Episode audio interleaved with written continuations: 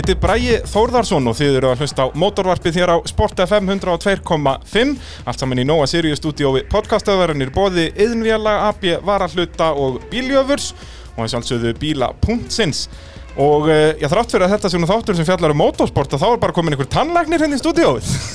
Þórir Sjött, sæll og blessaður. Já, sætlublesaður. það er, það er ekki margir tannlæknar sem hafa farið að keppa í torfæri Nei, þetta vakti líka mikla aðtegli á sínu tíma þegar ég mætti í mína fyrstu keppni.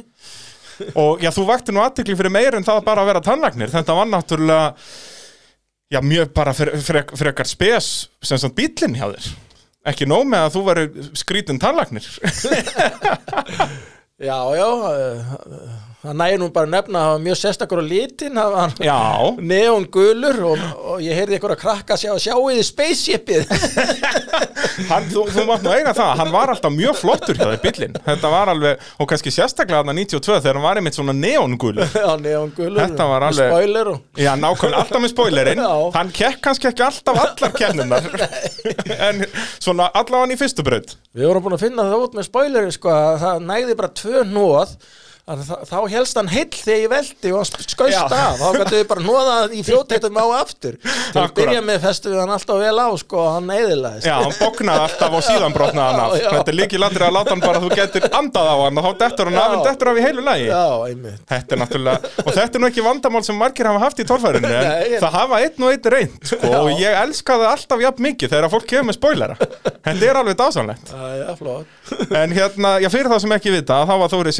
En í, í torfærinu hvað 92 til 95 Já, og ert nú hvergi næri hættur? Ha, þú ert rétt að byrja? Já, já, það, ég á mér draum. Já, og draumurinn er að fara aftur á stað. Akkurat. Ég er búin að sangaða með vélum og, og kaupa gamla bílinn aftur sem Já. var, var seldur á sínum tíma og fór aldrei á stað aftur og, og hann er komið með allt þetta sama, sjástaða fjöðrun og beigur á aftan hann er komið með þúsund hestabla vél í og tvær turbínur og á metanóli núna. Nú, ég var hrifin á innspýtingunum og ég er með, núna með metanól innspýtingu. Þannig að það, þú verður alltaf að koma með eitthvað nýtt, Já, sko, það maður- gengur ekki að vera eins og hinnir, ekki það, ef þú ámyndir komið með, sko, Jaxli 92 nýjan í dag, að þá væri hann í rauninni alveg jafn nýr og ótrúlegur, það hefur ekkert verið neitt svakalega mikil þróun í þessu.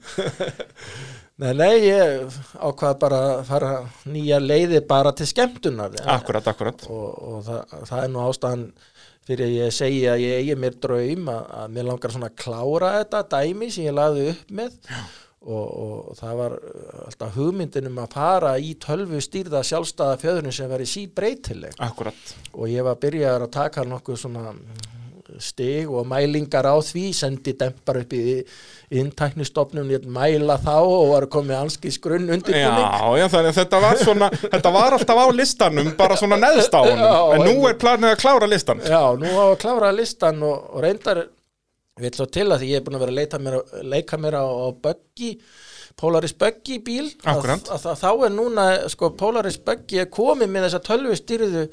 Sjálfstæða fjöðurinn á nýjustu bílunum Þannig að það var jafnvel hægt að stela bara heilanum úr því og auðvelda svona að það myndi taka nokkur skref í burtu eða ekki, ekki gera það í ég ætlaði eiginlega ekki að segja ég ætlaði að haka mig inn í það en nú ertu búin að Er ég búin að koma hugmyndar? Heyrðu Þórir, áður en að við förum já, yfir ferilinn og, og svo kannski förum við ítarlegar í þessa pælingar svona þegar því er lokið að, að þá verður nú að spyrja þið sko fyrst á bílapunkturinn sem er frábært réttingavestæði í, í Reykjanesbæ er að styrkja þáttinn og, og, og þeir sækja og senda bíla út um allt öðuborgarsvæðið og, og, allir bílar sem fara þar í, í viðgerðir fá, fá uh, já, frýtt bón og, og með því og frí alþrif að þá náttúrulega fólk lendur í krassi að þá að það fara í bílapunktinn en hvað var þitt stærsta krass á fellinum eða stærsta veltan í, í torfærinni hvað svona tók var svona harkalegasta já, það var nú bara strax í keppni 2 á Akureyri. Já, Við byrjuðum hann í Jósefsdal með 8 ás mann sem áhendur og Akkurat. skemmtilegt. Og ég var 50 þar. Og, og síðan var næsta keppni á Akureyri og, og, og þá var held ég bara fyrsta braut að eh, Helgi Sjött sem hann nú búin að vera 5 eða 8 ári í toffarinn á undan hætti þarna á tímabili og var aðstofamaður hjá mér, hann er Já, já. frendi minn sko ég leit á þessa braut og sagði hvernig við að fara í hana? Og hann gaf mig góð ráð sem voru röng. Og þetta kann ég meta sko, eins og sannur motorsport aukumæður og það var þetta ekki þér að kenna. Þetta var einhver, einhver annar, einhver annar fáindi sem að sagði þér að gera þetta. Já, þetta var frænda minn að kenna. Hann sagði takt þetta bara á ferðinni hérna hlýðarhallan út Já. og keirin og anskoti rætt og kemstu upp á barðið á ská. En það gekk ekki alveg upp. Nei, hann snýrist þarna í miðju út á hlið og, og hann fór líka alveg svolítið illa bílinn eða ekki, brotnaði ekki aftur stýrið og eitthvað Nei, það var reyndar ekki í þessari kefni það Nú, var, það nari akkuræða kefni en þarna krassaði hann sko á nefið og á kolf og, og beigðist þarna að fremst og þurftum að rífa hálfbótið af svona geta þetta haldið áfram keppni en það tókst. Nú já, já Mamma mín var þarna að horfa á í fyrsta skipti, hún býr á Akureyri og hún bara krossaði sig og, og þegar hún sá bílinn lenda á kolvi að þetta væri búið. Já, sko. það er bara Hún trúði ekki þegar ég stóð upp og lappaði út úr bílnum. Nei, er, hérna, þetta var það svakalegt Já, þetta það er alltaf harkalegt krass. Já, uh, þá skulum við fara kannski svona eitt ár aftur í tíman frá þessu 92 tímabili þegar að Já, þú ert með þessa hugmynd í hausnum, þú veist, hvernig verður þetta til? Þú ert náttúrulega með jeppadell og allt svoleiðis, varst ekki að spóla okkur um villi þarna út um fjöll og fyrnindi?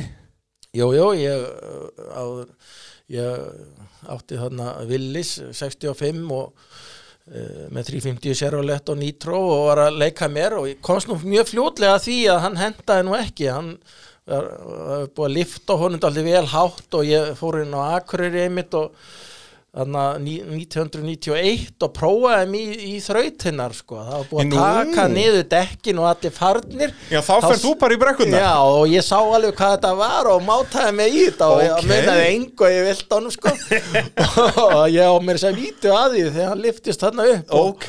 og nánast á hliðinni sko En hvað var þetta, sérst, þurftur að, smíkla þér hann inn, eða var þetta alveg leifilegt? Já, það, að- nei, þetta var bara daginn eftir eða eitthvað sko Já, og þú sérst, varst búin að horfa keppnina og, Já. og vissir þannig svona brautenda þó að það voru ekki lengur dekkin sem afmarka. Og hafðir þannig að það var alltaf plani hjá þér eða svona að fara á þessum villis, allavega að prófa það Já, ég ætlaði svona að tók ég ætti að byrja í standardflokki Já. og á þessum bíl sko og eftir þrjár brautir sko sem ég sá alveg hvar var búið að aka Já, já, þá uh, var því bara steinhægt sko. Já, kastaði á borðinu bara. Já, já, því, því þetta gekk ekkert upp sko Nei. og fór bara heim að byrja að smíða sérubúið í bíl. akkurat og, og er tannlæknir þarna þegar ekki, eftir Jú, bara jú. nýbyrjaður í því eða Já, ekki ég byrjaði 1990 á Eirstöðum og Já. var þar alveg í 18 ár. og hérna byrjar þess að, já, áttærið það þarna þú ætlar ekki að fara á villisnum og, og hvað er næsta skref? Hvernig, þú veist, varstu strax komið með allar þessar svakalegu pælingar þarna, út að þú náttúrulega ég horfðir bara á torfærubíl og hugsaðir ég ætla ekki að gera svona ég ætla bara, ég ætla að gera allt öðruvísi en þetta Nei, nei, ég, ég hugsaði auðvitað sko að það að Árni Kópsson var auðvitað á þessum tíma leiðandi í þessu og maður horfði til hans en, en mér fannst hel, heldur lélitt að sko mæta bara með uppskriftina hans 350, Servalett og þessar hásingar og þetta ég er nú að gera eitthvað og, og, og ég hafði, hafði nú sá alveg á, á villisnum að sjást af fjöðrun sérstaklega fram að myndi nú hjálpa. Þannig að ég fór strax í þessa hugmynd með Dana 50 að því að hún var til á Ford pick-upum að hafa sjást af fjöðrun á, að framan. Og ætlaði nú að vera með heila hásingu aftan en svo þegar ég fór að vesla þessa hásingar þá var einhver sem lætaði mér auka hásingu og allt inni var ég konn með tvær og mér leist nú eiginlega ekkert á þetta fyrst sko að vera með sjástaf fjörun aftan og, og það er ákveðni neikvæði þættir sem tengjast því skilum kannski farið svona tæknilegir. Já, um að gera, það er til þess er svona mótorvarp að, byrja að bladra eitthvað um, um tæknilegar á, á bílum. Já það er það þannig að þegar bílinn fer upp í móti og þú hægir á að, að endar allir þungi bílsins á afturhásingunni. Og ef þú ert með sjástaða fjöðrun þá sérðu að það er einn dempari sem og, og eitt gormur sem heldur upp í allum þunga bílsins og einu hjóli og þannig kiknar auðvitað undan þessu og þá er veldihættan meiri. Já, já, en meðan þú heldur ferð og ert með skriðþunga áfram þá virkar þetta fínt og þetta er mjög gott í tímaþrautum en það var ég ofta að vinna tímaþrautunar meðan ég kefti bara kert á útofnu og fann ekkert fyrir því og Og eins og sérstaklega líki í þessum stóru börðum, þá einmitt áttæður þau bara á þessu, ok, ég ætla bara að fara á fullum kraft í þetta og þá geti treystið hann mun skopp upp. já og þá er einmitt þetta mál að, að sko og það er kannski sem að sé svona í núna bara á nýjustu keppnum að menn er enn að gera þessi sömu mistök að gefa ekki í nógu snemma Já. máli er að ná upp ferðinni þá færðu þið skriðþunga og svo stjórnar þessum krafti og þessum skriðþunga með því að slá af á réttum tíma og, og stilla bílina af og, og, og setna þegar ég var hættur í torfærinu þá fór ég í sleðaskóla að leggsa með síni mína. Tvo og þeir voru að keppa á snjósleða bara til gamans og stökkva 10-15 metra stökk og þá lærðu maður ákveðna þætti af leggsa sem eru alveg einstakir að því að þegar þú setur þetta upp í formúlu og byrja að reikna skrið, þunga og kraft og svona þá verða menn svona dalt í ruglaðir? Fá bara hausverk? Já, en það er hægt að skýra þetta út á mjög einfalda máta og Lexi gerir það og ég get alveg gert það núna. Já, um að gera. Lexi gerði það ekki þegar hann kom inn í spjall til mín, þannig að nú verður þú að gera þetta. Æ, allt í lagi, hann skýrði þetta út fyrir mér og, og, og, og það áttaði mér betur á þessu sko og, og þess vegna ætla ég að mæta aftur og gera þetta eins og Lexi. Og, og hvernig var þessi útskýring, segir þú? þá ímyndað er hvað sem er með bíl eða snjósleða og rörið er lokað í báða enda og inn í rörinu er stálkúla. Og við byrjum að keira stað og hvað gerist? Stálkúlan rennur aftur í. Og því meiri kraftur sem hún tekur á stað því meira högg gefur hún. Og þetta á einstaklega vel við kvartmílu, sandspinnu því að þegar þungaflutningunum fer svona aftur í og höggi kemur þá færðu auki grip.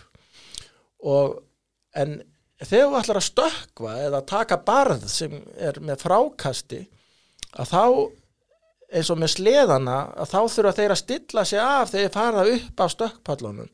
Þannig að ef þú ert í gjöf þegar þú ferð upp á stökkpalli þá reysir sleðin sig. Ef þú slærið af á síðasta halva metrinum þá stingur að nefinu niður. Þannig að það var leksi að kenna að þú, þú gerir hraðaækningu tímalega svo stillur þú á jafnaferð stálkúlan er þá aftur í en rúla rólega fram að því þú ert að minka hröðunina og þú reynir að hafa stálkúluna í rörinu milli fótana þegar þú flýgur upp í loftið. Og þá helst bílinn og flýgur í ett og lendir og fjórum hjólum með þess að sliðin líka. Akkurat, akkurat, þegar að kúlan er í miðjunni. Já, og ég hef þetta prófað þetta líka á bíl sko. Já, eftir að ég lærði þetta og þetta virkar.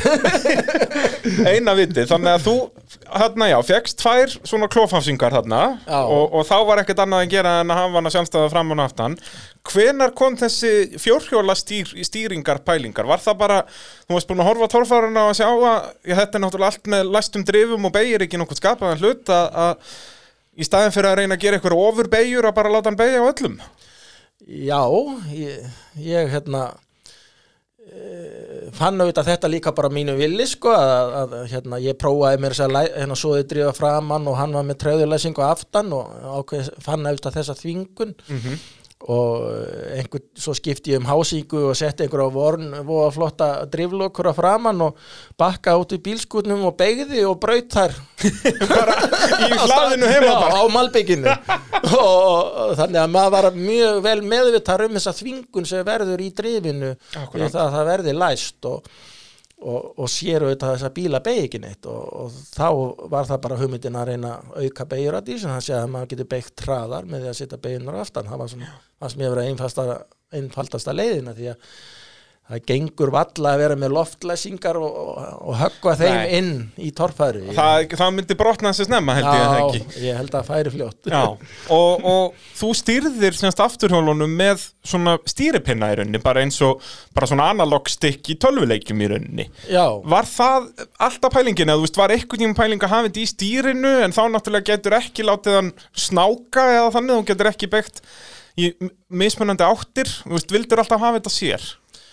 Já, það var bara einfaldsagt í upphafi að gera þetta svona og það var eiginlega Ólaf Lefason og Tyrfingur á Ljónstöðun sem, sem hönnuð þetta ég baðum þennan stýri möguleika og við vorum búin að hugsa það að tengja það stýrinu með barka Já. þannig að þetta átti að vera svona mekaníst þannig að leið og ég stýra af framann að þá toga ég barka sem fer hann aftur og færir þennan sjálfrétti búnað sem við settum. Að því við vorum meðvitað um það að, að hvað gerist þegar ég er búin að með bínin bótt beigju aftan og er að stýra framann og býtu, svo þarf ég rétt að naf og hvernig ætlar að fá tilfinningu fyrir því sem er eiginlega ómælegt þannig að það var farið strax í það að að hugsa einhverja leið hann rétti sig af sjálfur. Þannig að alltaf því ég slefti stýripunnanum þá rétti hann sig af þannig að það var eiginlega byrjunin þessi sjálfrétti Já, búnaður sem var náttúrulega mjög mikilvægur og Já. náttúrulega gerði það það þægilegt að þú varst með þetta á pinna að þá, jú, jú, þurftur að hafa eina hönd á stýri og eina á pinnanum en svo bara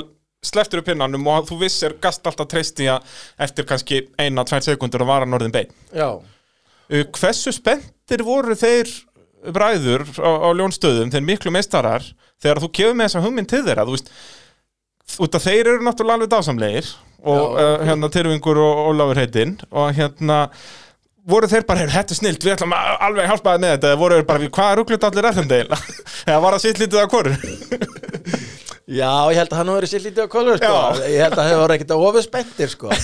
en, er þú náður að masa nú mikið í þeim Já, já, ég gerði það og, og, og þá var bara var ég að spá í það hvernig þetta væri hægt og þeir fundu eiginlega snildar leið sko.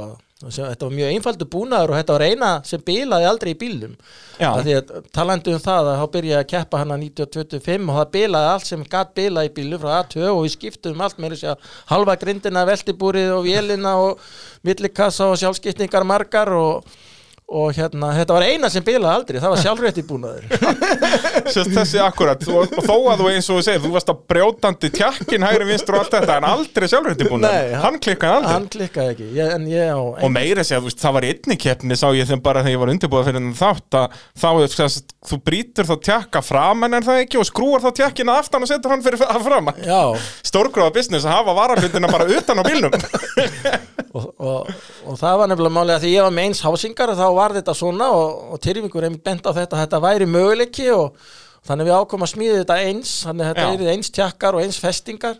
Það- sem er náttúrulega líka þægilegt upp á varahlutalagurinn að gera að, þetta sé allt bara eins. Já, og svo var það í veldu sem ég braut þetta framan og, og það var stutt í næstu braut en við náðum því að færa tjakkin í Akkurat. hátegisliðinu fram. Og svo bara læsa hásingunni að aftan þannig Já. að hún væri nú ekki fríhólandi já, og ég vann þá keppni Akkurat, við, við förum nú yfir það hér á eftir að það, það var ansið skrautlegt ævintýri uh, Vélinn sem ert með fyrst, er það 509 Chevy-vélinn? nei, það er 427 frá Ólafi T. Pétursinni hann Já, hún að keppa hann í lokin á Pepsi drakstennum akkurat, já Í, að í, var, í bílum. bæði kvartmílu og sandi eða bara aðalega kvartmílu? aðlega kvartmílu og þetta er uh, vél sem að fekk frá Scott Sheffroff í New York.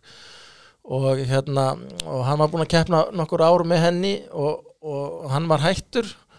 Og hérna og ég viss frétta að þessari vél og, og það var fyrsta vélin og hún endist eitt sumar hjá mér sko. Já. hún bilaði ekki keppni hún bilaði að hausti til þegar ég ætla að tjúna hana aðeins upp sko Nú, já, það er samt eina vitið, sko, þetta sé að bila í off-seasoninu, sko, en ekki eitthvað með kortir í keppni.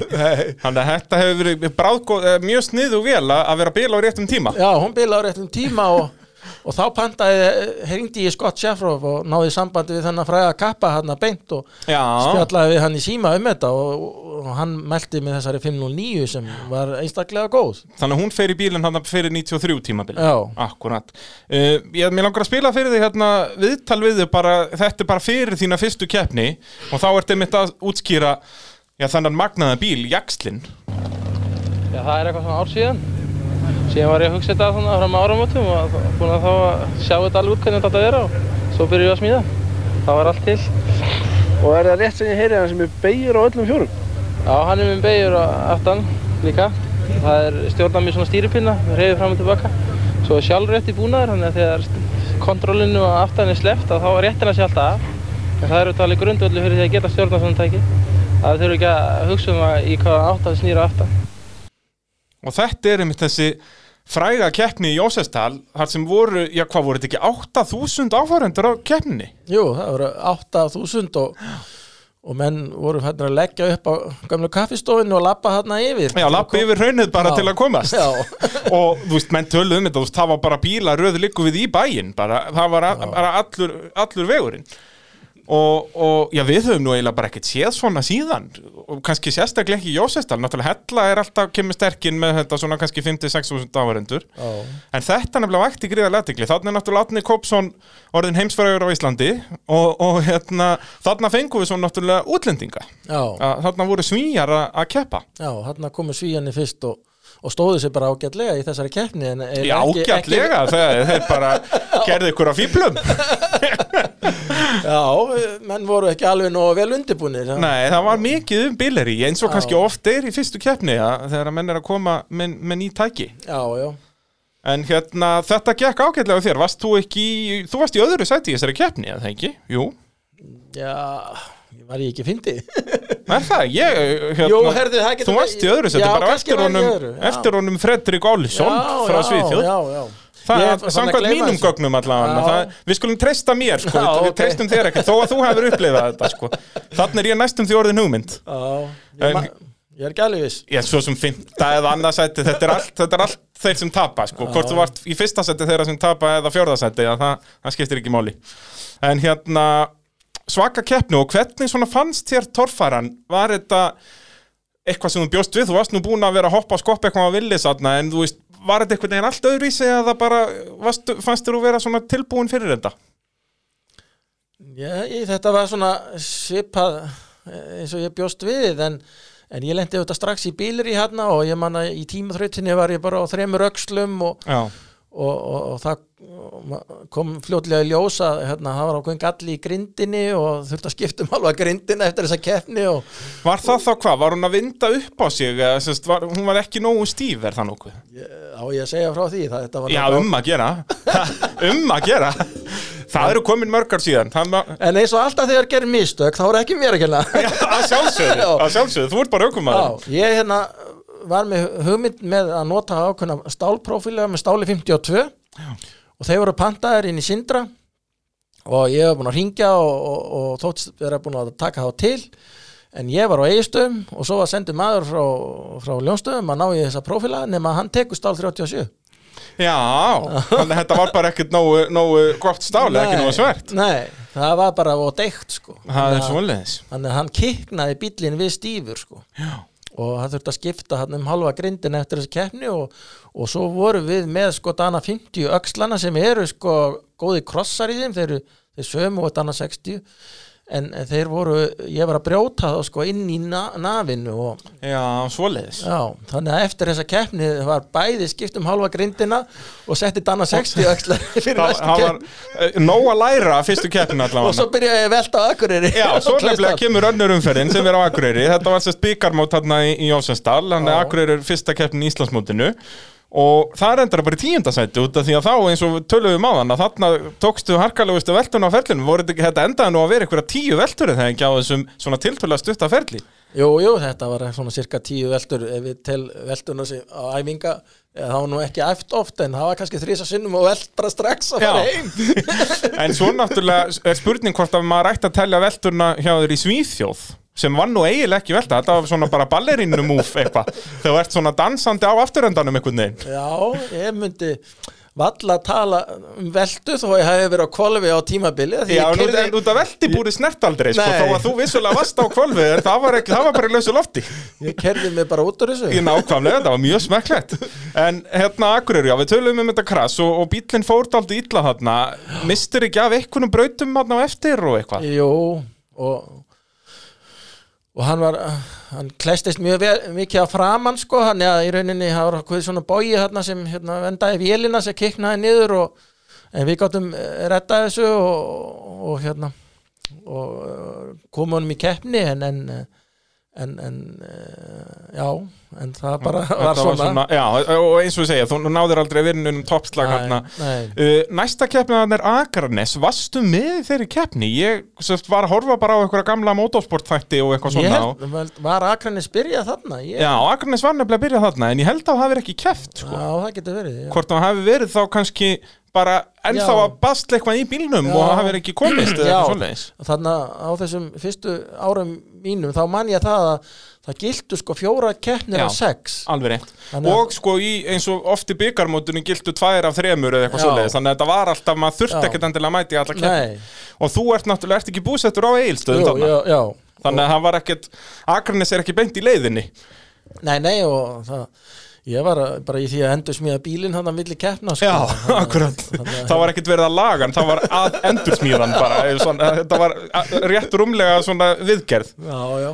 Þannig að, en, en eh, já, næsta umferð þarna á eftir er held ég hella, getur það ekki verið? 15 fyrir njú Já, að hérna ég hefði að viki mýrdaljabil sko nú er ég bara hreinlega ekki með þetta á hreinu. Ég, mér minnir að ég hef eitthvað staði séð eitthvað bladagreinu um að hafa verið keft í viki mýrdalarna já, en það, ég held að það nú ekki verið þetta ár en, en, en það var sett keppni þar af og ég velti þar auðvitað með að stæl. sjálfsögðu. Eins og þeir einu við lagið. En hérna hella þá fórstu að sína þitt rétt andlit aftur hérna eftir góðan árangur í fyrstu keppni að þá nærðu öðru sætunum þar Já. og í rauninni hvað, þú tapar þessu bara í Sest, Mýrinni. í mýrinni, þess að þá er áinn og mýrin kerð saman Já, og þá mætir þú að þínu meðal voru hvað, er þetta voru ekki 40 tómu mötterar? jú, ég, ég raunin leiti þessa keppni alveg frá upphafi Já, já, og, og var ég í fyrsta sæti en, en, en, en síðan var maður nú eitthvað hrættur um menn voru að hræða mig á því að því ég var komið með skópludekka aftan fyrstur líka sko, Mhm. það var ekki bara að ég var með beina innspýtingu, sjástafa fjöðrun bítlokk og, og hérna og aftur stýri sko. Þá var ég líka komin þarna með sérst ausudekkin já, auðsudekkin aftan og menn voru að hræða mig að það, ég myndi grafa mig niður þar sko. Já. og það var einhverja og maður létt þetta alltaf einhverju öðrum að kenna Já, sko, sjálfsögðu, sko, það, ef þú hefði bara ekki hlustað á nokkurt mann þá hafði orðið heimsmeistari bara margótt já, alveg, alveg tvímala laus sko. og svo þekkti ég nú úr jeppa businessum að það getur verið gott að hafa mikið flót og Já, já, þannig að, því ég gat, ég gat fengið þessi dekka láni þarna á, á hellu bara frá jeppakalli að þá ákveða að prófa þetta.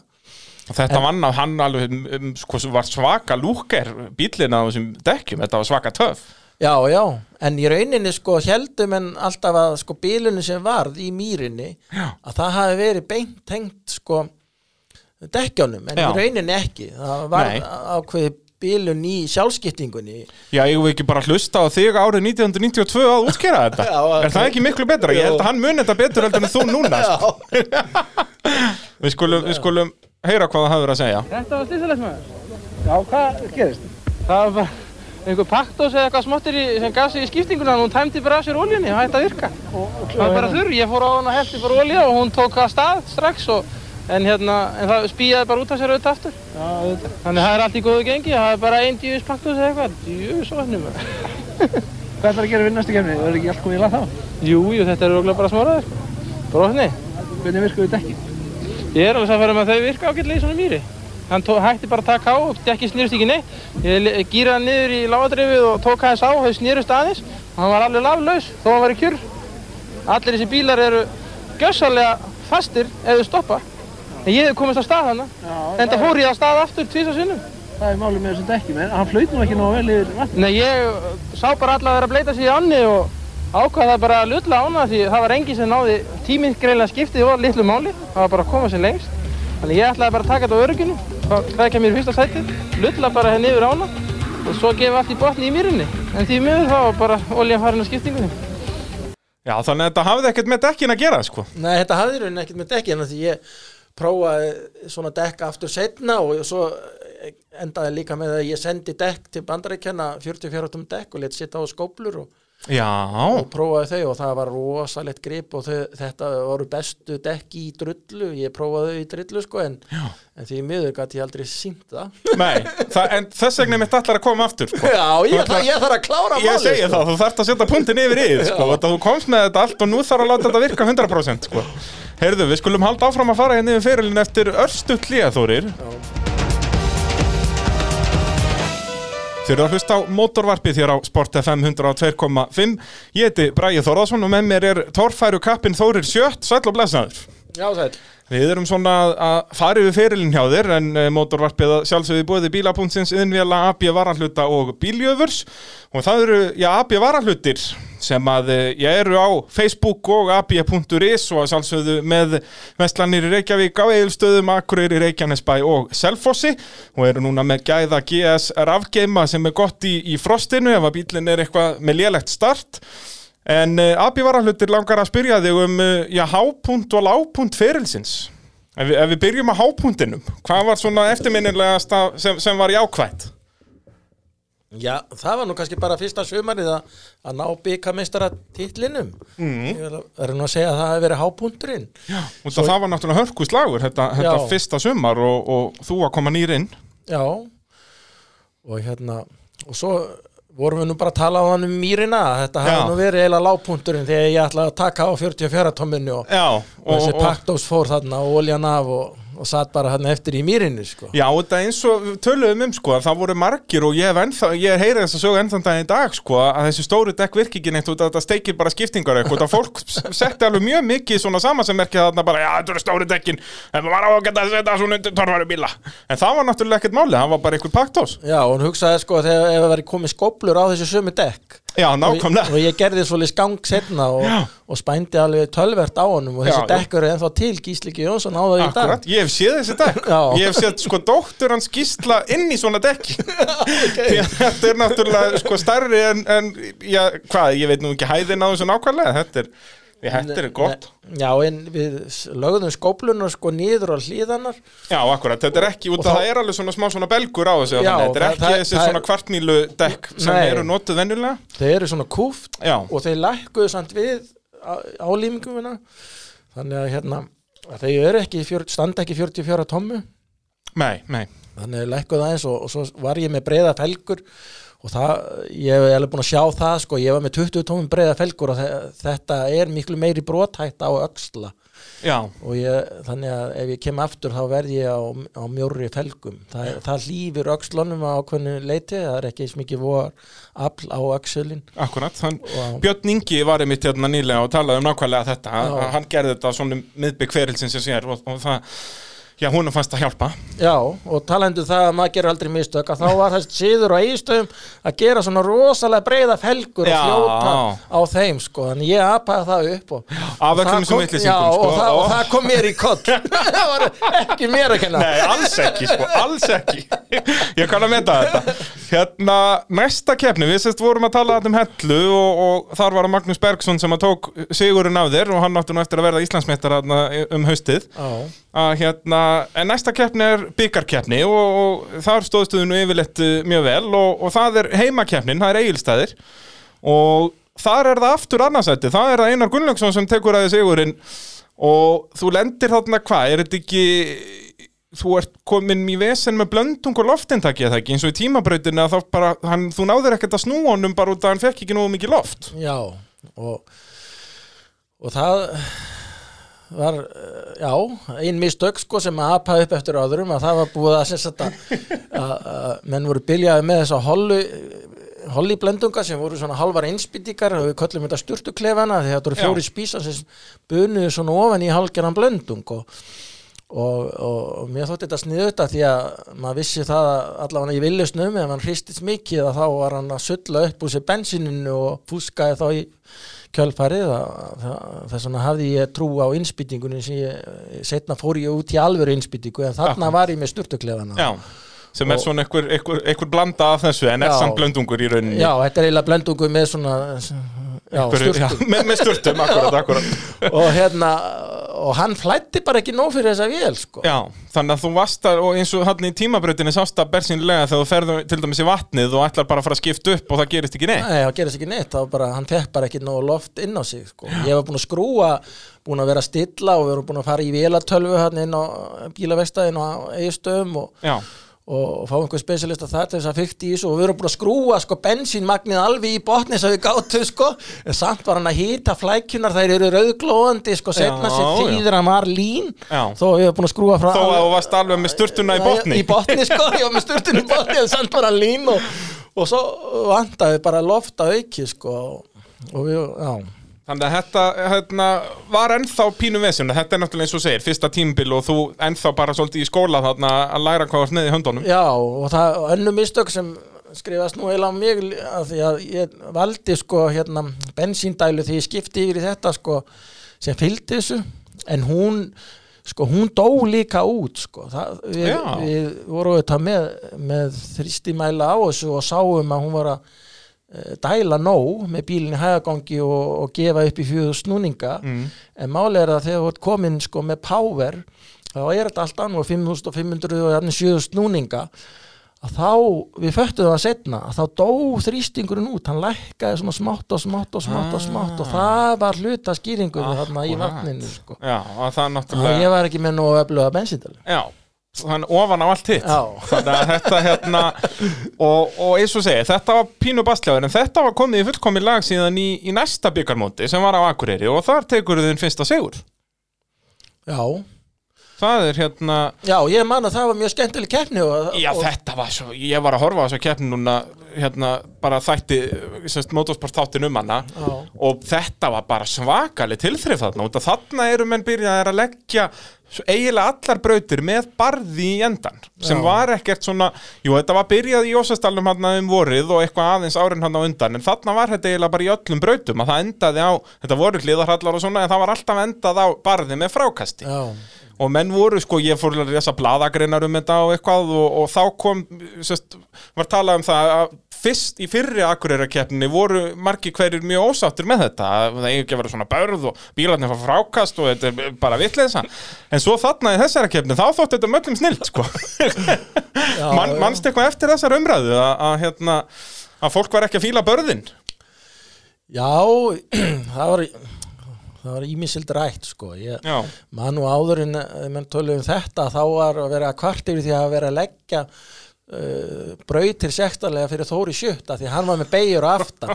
En það var nú þú fyrir minn tíma sko var fullt af kröppum beigjum sem þið náðu ekki. Ég segi þess vegna settur beigur á aftan. já, ná, svo mæti ég og teka þessar beigur og þá er allt innum við að leggja hennar brauti fyrir Þóri Sjötta með beigur á aftan. Þannig að þeir urðu að finna eitthvað nýtt og það voru þá börðin sko. Já, ætli, já, þetta er allt þér að kenna. Að djúðisins börð komið þannig Annars væri þetta ennþá núna bara einhver En hérna Já, þú tekur sigurinn hann í þessari svakalu tilþrifa miklu keppni. Þannig er Átni Grant komin á heimasætuna Búin að kaupa hann af, af uh, Átna Kóps. Og þá er náttúrulega byggamistara titillin svo gott sem komin Það er hérna, er það ekki bara held í Stefán Sigursson sem átti möguleika á náðir hann Jó, einmitt, já. Og, og já, hvernig var svona stemmingin hann þú var þínu fyrsta ári, bara búin að keppa ykkur er sex keppnir eða eitthvað og nær bara fyrsta sætinu og ert bara komið með titilinn, bara nýju fingur á titil Já, þarna var maður auðvitað ungur og græður og ætlaði að vinna, sko. já, þannig að þetta var bara svona eftir planni bara. Já, já. það er En, hérna en svona eftir að higgja, þá hérna, var maður mjög reynslu sko.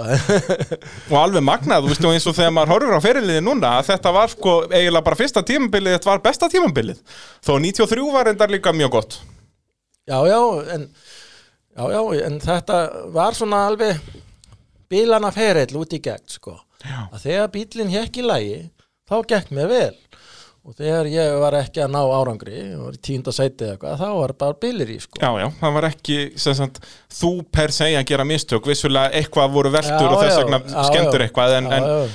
þú varst líka í þessum leiðindarbilunum sem að Já. oft fylgir þessu maður gerði þetta mistöku svo allir sko en, en, en því miður þá þá bara ágerðist þessi bílunni sko ég lagaði ákveðna hluti og þá var bara næsta og næsta og sko bílinn var þetta nýri í upphafi og, og þá nýju hluti bíla ekki en þá var það kannski van hannað Já. og svo var þetta endur hannað og svo er þetta búin að keppi í þrjú ár en þá eru bara nýju hlutin og gamlir sko og þessi gegndir og fara að bila sko. Þannig að það er bara, bara alltaf næsta og næsta og næsta og eins og ég sagði það ána sko það endaði með því að ég var búin að skipta um allt í bílnum, nákvæmlega allt nema sjálfrétti búin Nema sjálfrétti hann bilaði aldrei. Og eins og þú segir að þú náttúrulega, já, varst búin að skipta um hvenar skiptir um sem sagt veldi búrið? Út að þú gerði það einhvern tímann eða ekki allavega einhvern part af því? Jú, ég, var það eftir þess að akureyra veldu eða? Já, það var velta á Akureyri. Ég held að það nú verið árið eftir þetta sem við erum að tala um núna. Og, og, og, og það var nú þannig, já nú get ég kent einum um þá veitu sko. hann setti afturdempara ný og gerði það vittlust átt að sitta á konar skinnu sko, og svo róna ofan á, hann setti skinnuna undir þannig að hann kiftist úr demparin, ég Ah. sting með fram að barði og, og svo þegar ég kem niður að þá þá slitnar demparinn úr festingunni því að hann var vittlusettur í og það var ekki ég sem setja hann í. Og slitnar úr og hann sparkar þarna uppi og ég lend á kolvi og lendi bara á stein og beigi sko aðal bógan fyrir aftan. Akkurat, já, og þá náttúrulega verðum maður að skipta um mest megnis allt Já. það tengist náttúrulega allt í aðalbúan Já, og ég, ég reyndar fekk að halda áfram með því að sjóða fundum eitthvað kolreika rosalegt rör sem við suðum þannig upp í aðalbóðan og fengum að halda áfram keppni Já, þetta var, sér þetta ennþá sko, nema núna eru náttúrulega ökuminn byrjaðar að sko gera ráð fyrir þeir beigja veltibúrin og eru komnir með, eru búin að sko skera út alls konar aukastífur með flöngsum og allt sko bara til þess að geta svoðið í miðri keppni sko. Já. En þarna var bara fundið gamal púströr og, Já, og, svo haldið því og haldið áfram og svo, já, já, og svo einnig akkur að keppninu man ég það að þá þurfti ég að taka bílinn og skjótast nýr í bæ og, og settum blöndingin á það því að þá endalega fóru sturtuklefanum til fjandast Já. og, og þá mætti ég bara með 1050 hérna Dominator og náða að klára þá keppni en, en ekki ofalega. Eh, Þetta 92 tímbil, eins og við tölum um, það var hörku slagur þarna og það nú gerir hennan árangur í enn betri og, og eins og í mörgum keppnum hann urðu keppnar tveggja daga keppnir út að þurfti að hafa forkeppni. Já, einmitt, það var svo margi bílar sko. Já, þú veist, það var allavega þannig sko á hellu og sennilega í öðrum, það var líka í sérst síðustumferðinni sem var Íslands og byggarmóti í Jófsastalnum og þá er mitt nærð þú þegar að tryggja þér titilinn, sérst byggarmeistaratitilinn í fórkeppninni út af því að hann, Stefán Sigursson, dettur þar út, hann er, brýtur þrjá öxla eða eitthvað bara í þremu brautum á, á skullunni sinni og, og hérna komst ekki í aðalkeppnina og þannig að þú varst gast svona kert keppnina nokkur rólegur en þú ættir náttúrulega ennþá möguleika á Íslandsmeistaratitlinum í þessari keppni ef þú hafði náð fyrsta setið þarna í Jónsvestalunum Já, en, já. En það, þetta það, fór það svona. gekk ekki alveg. Það er hérna hvað endar, jú, endar í fjórða setið þarna sem hvað mínum bókum. Og þannig er Átni Grant komin á Ísutnar líka. Menn farnir að herma eftir þér. Eins og, eins og maður sá síðan síðar á ferlinum að menn byrjuði að apa eftir þér hitt og þetta hérna, Halli Pía var komið Bettlocks árið eftir og svo reyndan stýrið aftan líka og, og allt þetta. Uh, Þú verður byggameistar hann 92 eitt með bílhjáður sem að svona þegar ég var bara skoða bara fyrir þennan þátt var hann ekki of þungur Hann var alveg, hvað var hann þungur? Var hann ekki 1,8 tonni eða eitthvað? Hann var, hann var Nei. svaka hlungur eða ekki? já þetta er nú einn miskilingurinn sko. Nú er það svoleiðis? Já, ég, ég fóð með hann á viktina sko í upphafi og hann viktaði þá 1590 kíló Nú, ok. og hérna, en málið var það að, að því ég var með svo klófhásingar að þá vissi ég það ekki að því ég var það reynslulaus að ég var að leitast eftir mjúkri fjöðurinn taldi hann að vera til hagspota og ég keifti sumu gorma og hérna Árni Kópsson var með í heimasættinni. Og sett á klófasinguna en það var nú ekki nema einn keppni sko því að þeir voru auðvitað allt og allt á mjúkir því það er doblað átak á gormin í klófasingu já, og þá fór ég að senda þessa gorma hann upp í intæknustunum og mæla það og, og, og ég var alltaf að stífa fjöðurina en þegar þú horfir á bíl sem er allt og allt á mjúkur hann já. heldur sér uppi á þingdinni þá virkar hann rosalega þunglama og hann, hann svona hlunkast bara upp og svona- niður og alveg eins og ég svona, veit ekki eins og hvað. bara gammal Lincoln Já. eða eitthvað, en svona hoppand og skoppand eitthvað Já, já, og þá var allir í þessu sko. Já Hvað- ég heyrði, heyrði þetta alveg látlust og eftir hverja einustu keppni hann var alltaf þungur, alltaf þungur. Já. en hann var nú ekkit hann var, Hann var ekki svip- svo þungur. Nei, hann var bara svipar eins og sinni sko. Já, Hann- þarna náttúrulega var það bara svona eðlileg þyngd svona 1,5 tonn.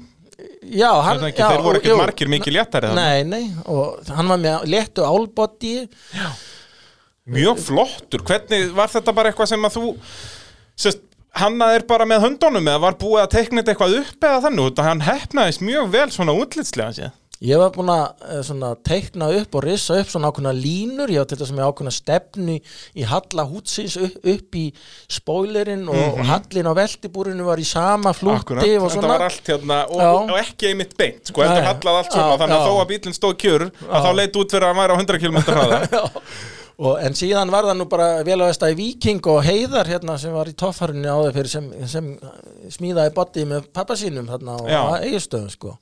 Og það náttúrulega líka, og hann helst alltaf það var alltaf sama útlitið á honum, þetta var ekki svona eins og margi gerðu að það kom alltaf nýtt body í milli ára bara út að þeir vildu prófa eitthvað nýtt. Þarna varstu bara komið með flottan bíl og helst honum bara þannig. Já, já, ég held honum þannig að eina sem breytist að ég setti tennur á á framann Já, og einhvern tíman var það 92 sem að þú komst í nokkra keppnir með sem sagt veltibúru tengt fram í. Já, það var í fyrstu keppninni, það var Já. nú held ég minni mér bara eina keppni. Já, af hverju losaður við það? Var það bara útlitslega eða var það erfitt að vinna í bílnum eða, og þetta er mjög sniðugt sérst öryggislega séð, að ef þú fer til dæmis framfyrir þig að þá dreifir þetta högginu.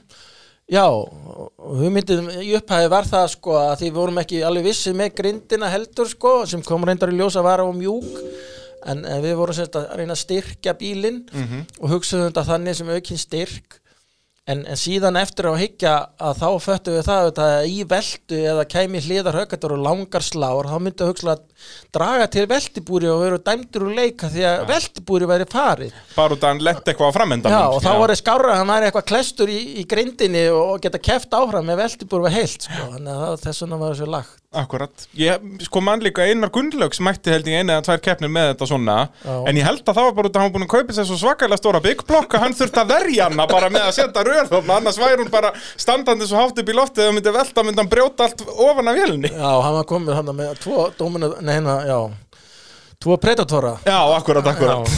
Á byggblokkin Já. og hérna þannig að þetta var bara svona örgisrafstöfun í honum að, að passa það allt. Já, En það var eins fyrir honum og, og þér að þetta endist nú bara í eina eða tvær keppnir. Uh, 93, þá sest, það tímbil, þá ertu komin á Össur allan ringinn, þá það ekki bara að aftan. Já, og þá kemur nýja vélina, já, ekki? þá kemur þessi öfluga vél og, og hérna, og reyndar eh, var hún það öflug að, að ég byrjaði þetta bara stúta á eðilega skiptinguna og það var nú bara áður fyrir keppni sem betur fer sko. Þannig að hún var sett í á ljónstöðum og við kerðum að hellu að pröfa og, og það var eitthvað í þriði brekku þegar hérna skoppaði bara óljan úr skiptingunni og hún var bara ónýtt Já, það er svoleiðis, bara al, ónýtt alveg bara. Já, og, og þá þurfti að græja nýja skiptingu sem passaði þessa vél og, og hérna, en ég var með Powerglide sem er létt skipting og ég var með ál millikassa 208 talandi um þingdina sko. Akkúrat. þannig eru létti hlutir og í, fyrst til að byrja með var ég með 427 vel með álhettum samt sögðu menn að bílinn væri sko rosalega þungur sko. Var ekki rétt sko. Nei, nei. en, en hún, hann þingdist reyndar aðeins sko að því að þarna var ég komið 509 og hún var með stálhettum og og hérna og, en ég held mér áfram með Powerglide á meðan ég var þarna og það ekki að gera skiptingu en, en uh, að því að ég eðalega nú einhverja þrjár skiptingar og þrjá konvertora og, og hérna að núna að því ég er að endast mér minn gamla jaksl að, nú er ég komið með T400 sko Já. og alveg reisskiptingu hún á ekki að klikka Hún sko. mun ekki klikka, sko. Og þá vantarlega setur þú ljónakassa með þessu, þeir voru nú ekki til á þessum tíma hann. nei, nei, þau voru ekki til sko Þannig að er, hérna, þá er það líka enn önnur betrumbætingin. já, já, já, það, En já, þetta 93 tímabil, það byrjaði ekki vel hjá þér. Það er hérna, var það ekki fyrstu keppni sem að, já, sem er þá byggarkeppni í Jósestal held ég. Þá byrjaði eitthvað hefum stýrir, stýrið í fyrstu braut og þannig að þú mistir af einhverjum brautum og, og svo fór tölva fyrir innspýtinguna í, á Akureyri sem var önnurumferðin. Þannig að þú nærði ekki topp 5 þar heldur. Að þannig ertu svona að, já, lenda í vesinni þá með þessa vél líka, eða semst, já, að- að að ströggla eins með hana og náttúrulega líka að steikja skiptingar hægri vinstri. Já, þannig að aflifa meira og skiptingarnar flugu til fjalla og, Já, og, og svo var ég ennþá með í rauninni vandamál í upphafi sko, ég var ekki komið með þessa alvöru innspýtingu sem ég keipti svo setna sko, og ég var þá fyrstur setna að vera með tölvu og stilla, spísa og allt.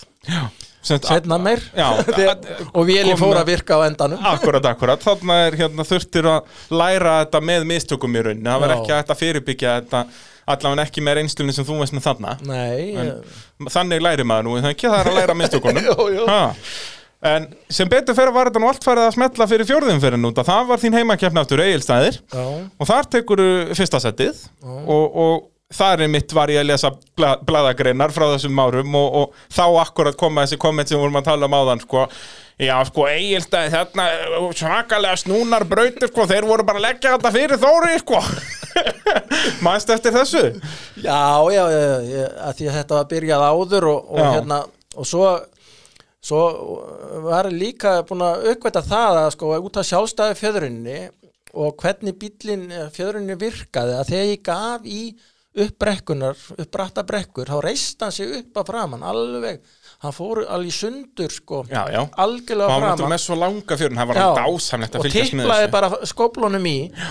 Og þá uppgötum menn að ég var farin að taka börðin best sko. Já, já. Og þá mátti ekki vera börð og það mátti ekki vera beigir og það mátti ekki neitt. Þetta var allt lagt fyrir fóri sjö það, það hefði verið erfitt bara, bara setja þetta á malbygg þá erum við allir eins. En, en það var náttúrulega sérstaklega eins og þarna þegar þú ert byrjað að átta þig á því að, fara bara á ferði í börðin Já. að það var alveg dásamlegt að fylgjast með þarna á þessum bíl út af eins og segi löng fjöðrun sem að myndi halda þú veist eins og í hlýðarhalla og svona ætti ekki að virka. En þá náttúrulega nýttur þér fjórhjólastýrið í staðinn og bara beigðir upp í brekkun og snákaðir því í gegn Mm. að þarna var stórðin já, skeinu hættur. Já, já, það er, það er bara svolítið svoleiðis.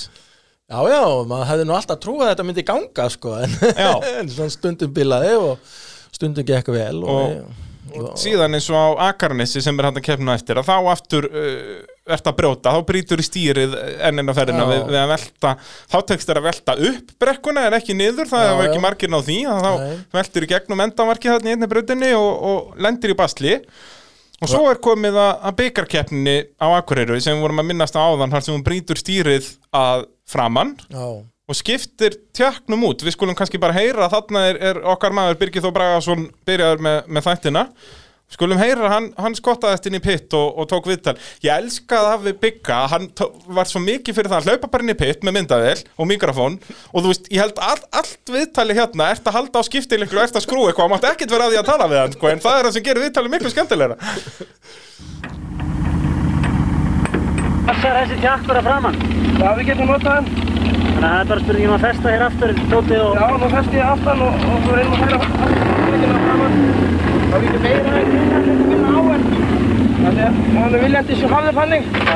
En ég ætti að geta drullast inn í tíðarutinu við náum þessu. Það var handagangur í öskinni. Sex menn unnu að viðgerð undir stjórn Þóris. Það var mikill hraði eins og sjá má. Nú er þetta mun erfiðari þrautir sem að þið eru að keira hér heldur en í tenni í vor. Á þetta að vera svona. Á þetta að vera eins og þetta var í vor. Þetta er fínt svona, bara skipulagningi. Sjálf er ekki alveg í góð höndur. Við erum að keira alltaf mikið inn á milli áhöranda og leið og pitt í brautur. Ekki fínt. Það er brauturnar eru fínar. Það er svona sem að torfara á að vera. Já, sem. Það er gáð annars myndi ég ekki nenn að standa í þessu. Það er gaman að þessu. Já, en en ekki standaði að kera lögaveginn, sko. nennir ekki að keira lauga þig sko. en eins og tölum við minn, það var kannski næsta skref til að stoppa þig, að láta ykkur bara keira lauga þig upp og niður og, og þarna ég mitt kemur byggin á þetta sem ég voru að tala um áðan að brautirnar, það er á þessum árum sem að ég torfærin er að breytast frá því sem hún var hérna árið, þú veist, 85 til 90 og, og til, já, bara það sem við sjáum í dag, að þarna er þetta að byrja að vera mjög erfiðar brautir, í rauninni allar brautir, þetta var mjög oft bara svona hliðarhalli og taka smá snú snú og svo var kannski síðasta brautin eitthvað svakalega en, en þannig er þetta að byrja að vera bara allt svona tildulega krefjandi.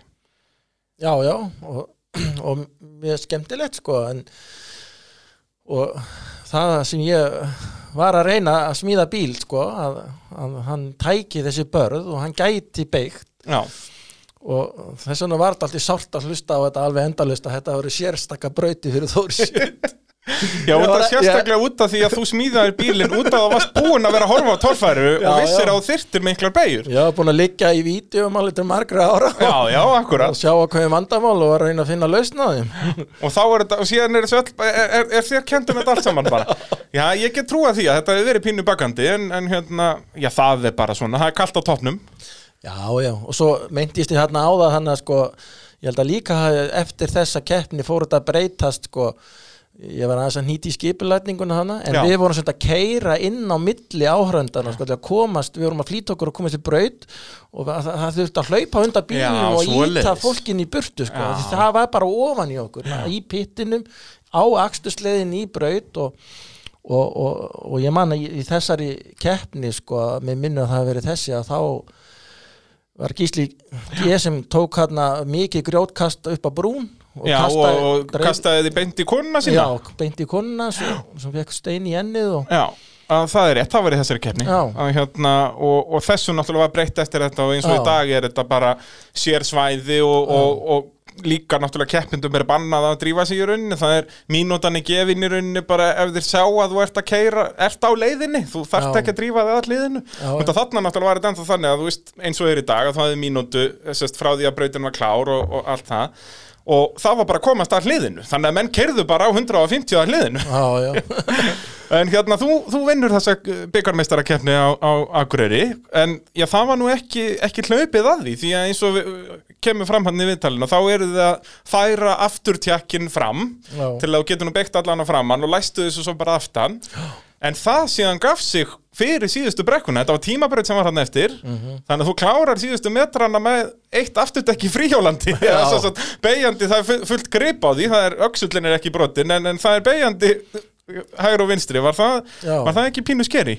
jú, þetta var þetta þannig að við þurfum að gera þetta þarna miklu hraði og ég var reynda búin að undirbúa það aðeins, sko, með að búin að detta þetta í hug en það var aldrei búið að ganga endalega frá því, heldur við var, voru áttum hana tvö flatjörn sem við búin að bóra og bolta í gegn, Já. en þetta var bara svona tilrauna flatjörnin til þess að finna út vegalindina að hann væri beint og svo átti alltaf að smíða eitthvað sterkara. Svo fannst það ekki, það var ekki búið að smíða og þá var þessu bara hendi og, og það var bara lítið auga sem slitnaði þarna út úr og þá fór bara þetta hjól að dansa þess og kruss En sem betur þegar var þetta, hann, það voru nú bara kannski 50 eða 100 metrar eftir þannig að þetta, þetta slapp fyrir hotn og þú náðu, náðu sigrinum. Já. það er nú það sem skiptir máli. Uh, Við skulum halda áfram hér að fara yfir hennan magnaðan feril eftir örstutlía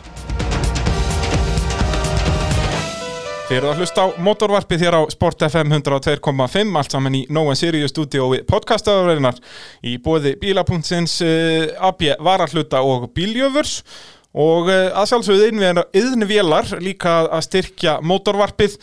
Og þeir eru á smiðjuvegi 44-46 rauð gata þarna í Kópavoginum.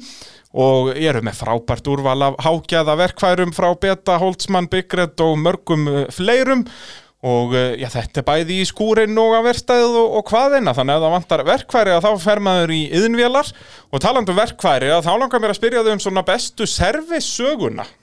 Eða svona hvað var eftirminnilegasta svona viðgerinn, hvort sem að það var í keppni eða rétt fyrir keppni. Þú veist náttúrulega mikið svona að bastla með að þú veist, skiptum skiptingar hérna rétt fyrir keppni eða, eða færa tjakka til eða hvað það var, hvað var svona eh, stendur upp úr hjá þér? Já, eftirlega minnilegast að keppni í Jósisdal sem ég kannski náði ekkit svo góðum árangri en, en eh, já, ég, jú, það var nú okkur góð keppni sko, en uh, við sem sagt það fór sjálf, það var kerðar tveið þrautir hérna fyrir hátegi eða fórkeppni og, og, og sjálfskiptingi fór sko. Akkurat. Og, og hérna og í þessari keppni var bæði Tyrfingur og Ólafur aðstofamenn, þeir voru ekki sko aðstofamenn svona gegnum gangandi eða þannig hittist á það voru þeir með.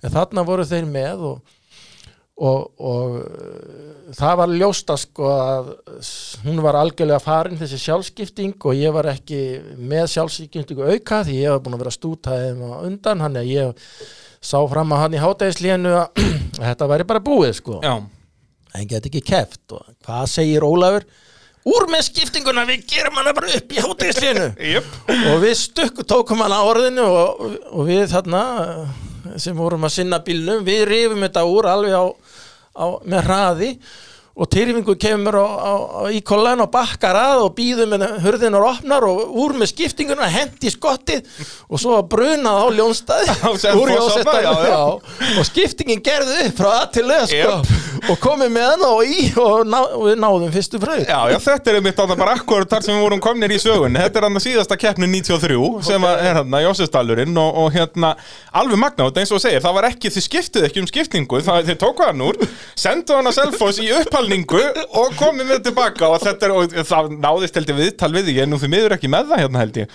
Að þegar að skiptingin er bara að lenda og þetta er bara svona bakkað inn, þetta er bara eins og í einhverju teiknimynd sko, síðan er bara opnu hurðin og, og skiptingin er komið undir bílinn strax og þið byrjar að skrúa og þá eru þið mitt að spekulera sko, þá held ég Helgi Sjött sé með þér í servisnum hérna og, og, og hérna Heyrðu, við höfum bara tíu mínútur eða eitthvað. Já, nei, nei, við erum 11 í rásröð, sko Þannig að við höfum bara alveg hálftíma. Nú, þá náðu þessu leikandi.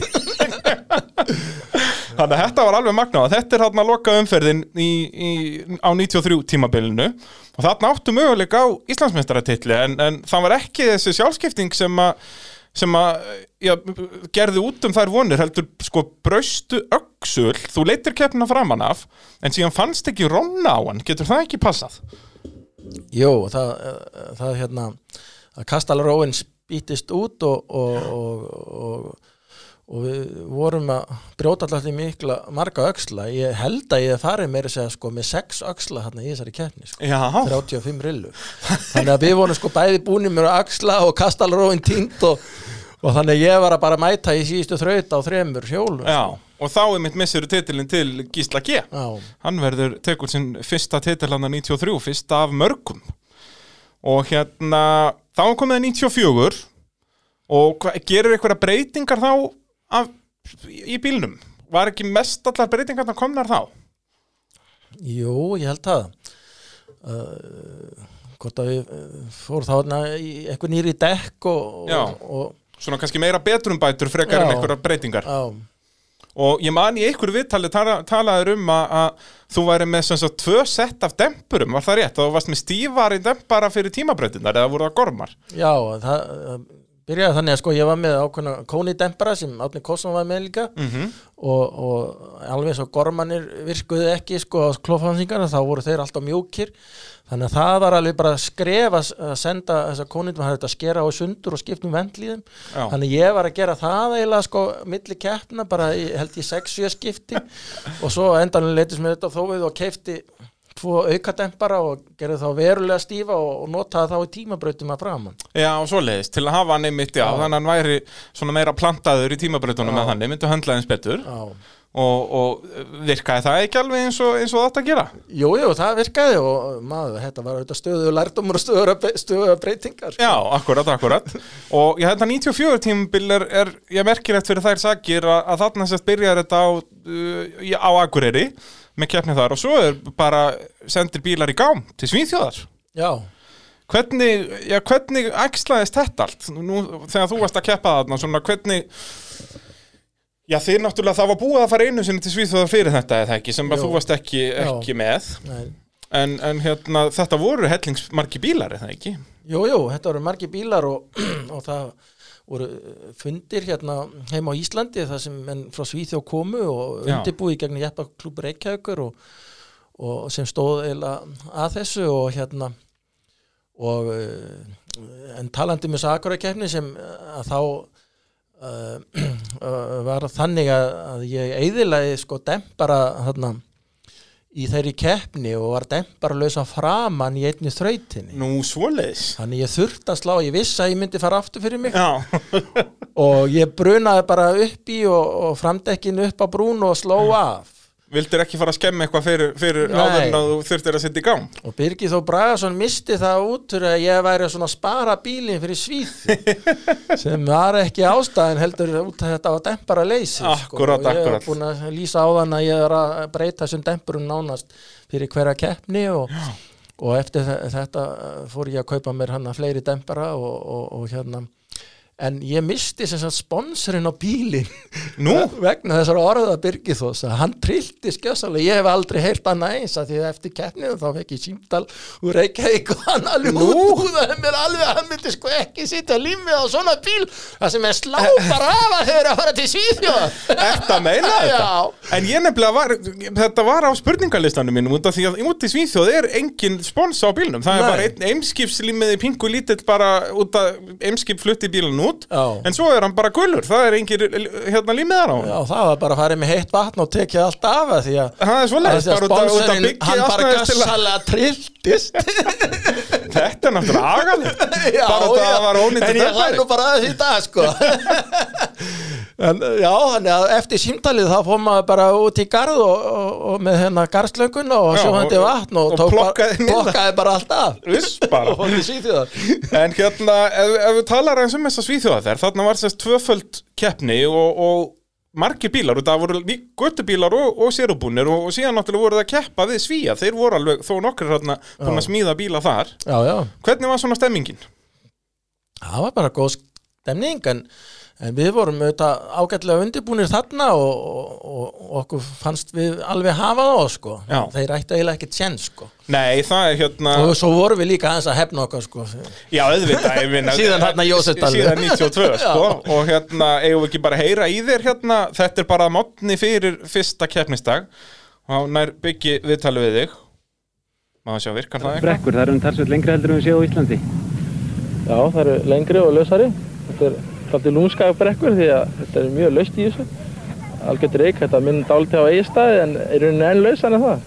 Þannig að við höfum ekki áður lent í, í svona. Hvað, hvaða þýðingu hefur það? Það þýðir það að það reynir enn meira á hæfni aukumarsins við að stýra bifræðinni því að ef við missum ferð þá er dæmi búið, við gröfum okkur bara niður á staðinu. Þannig að það þarf að halda ferðinni meðan ekki er og, og hérna, nú, þetta eru langa brekkur þannig að endahliðin eru, eru hátt uppi þa- þannig að eina hættan er að ef maður endast þingst þá fyrir maður að velta hérna niður en Núna það skeiði eins og ekkert. Það líta nú ekkert svona brattar út eins og við hefum oft séð á Íslandi. Er nokkur hætt á veltum hérna?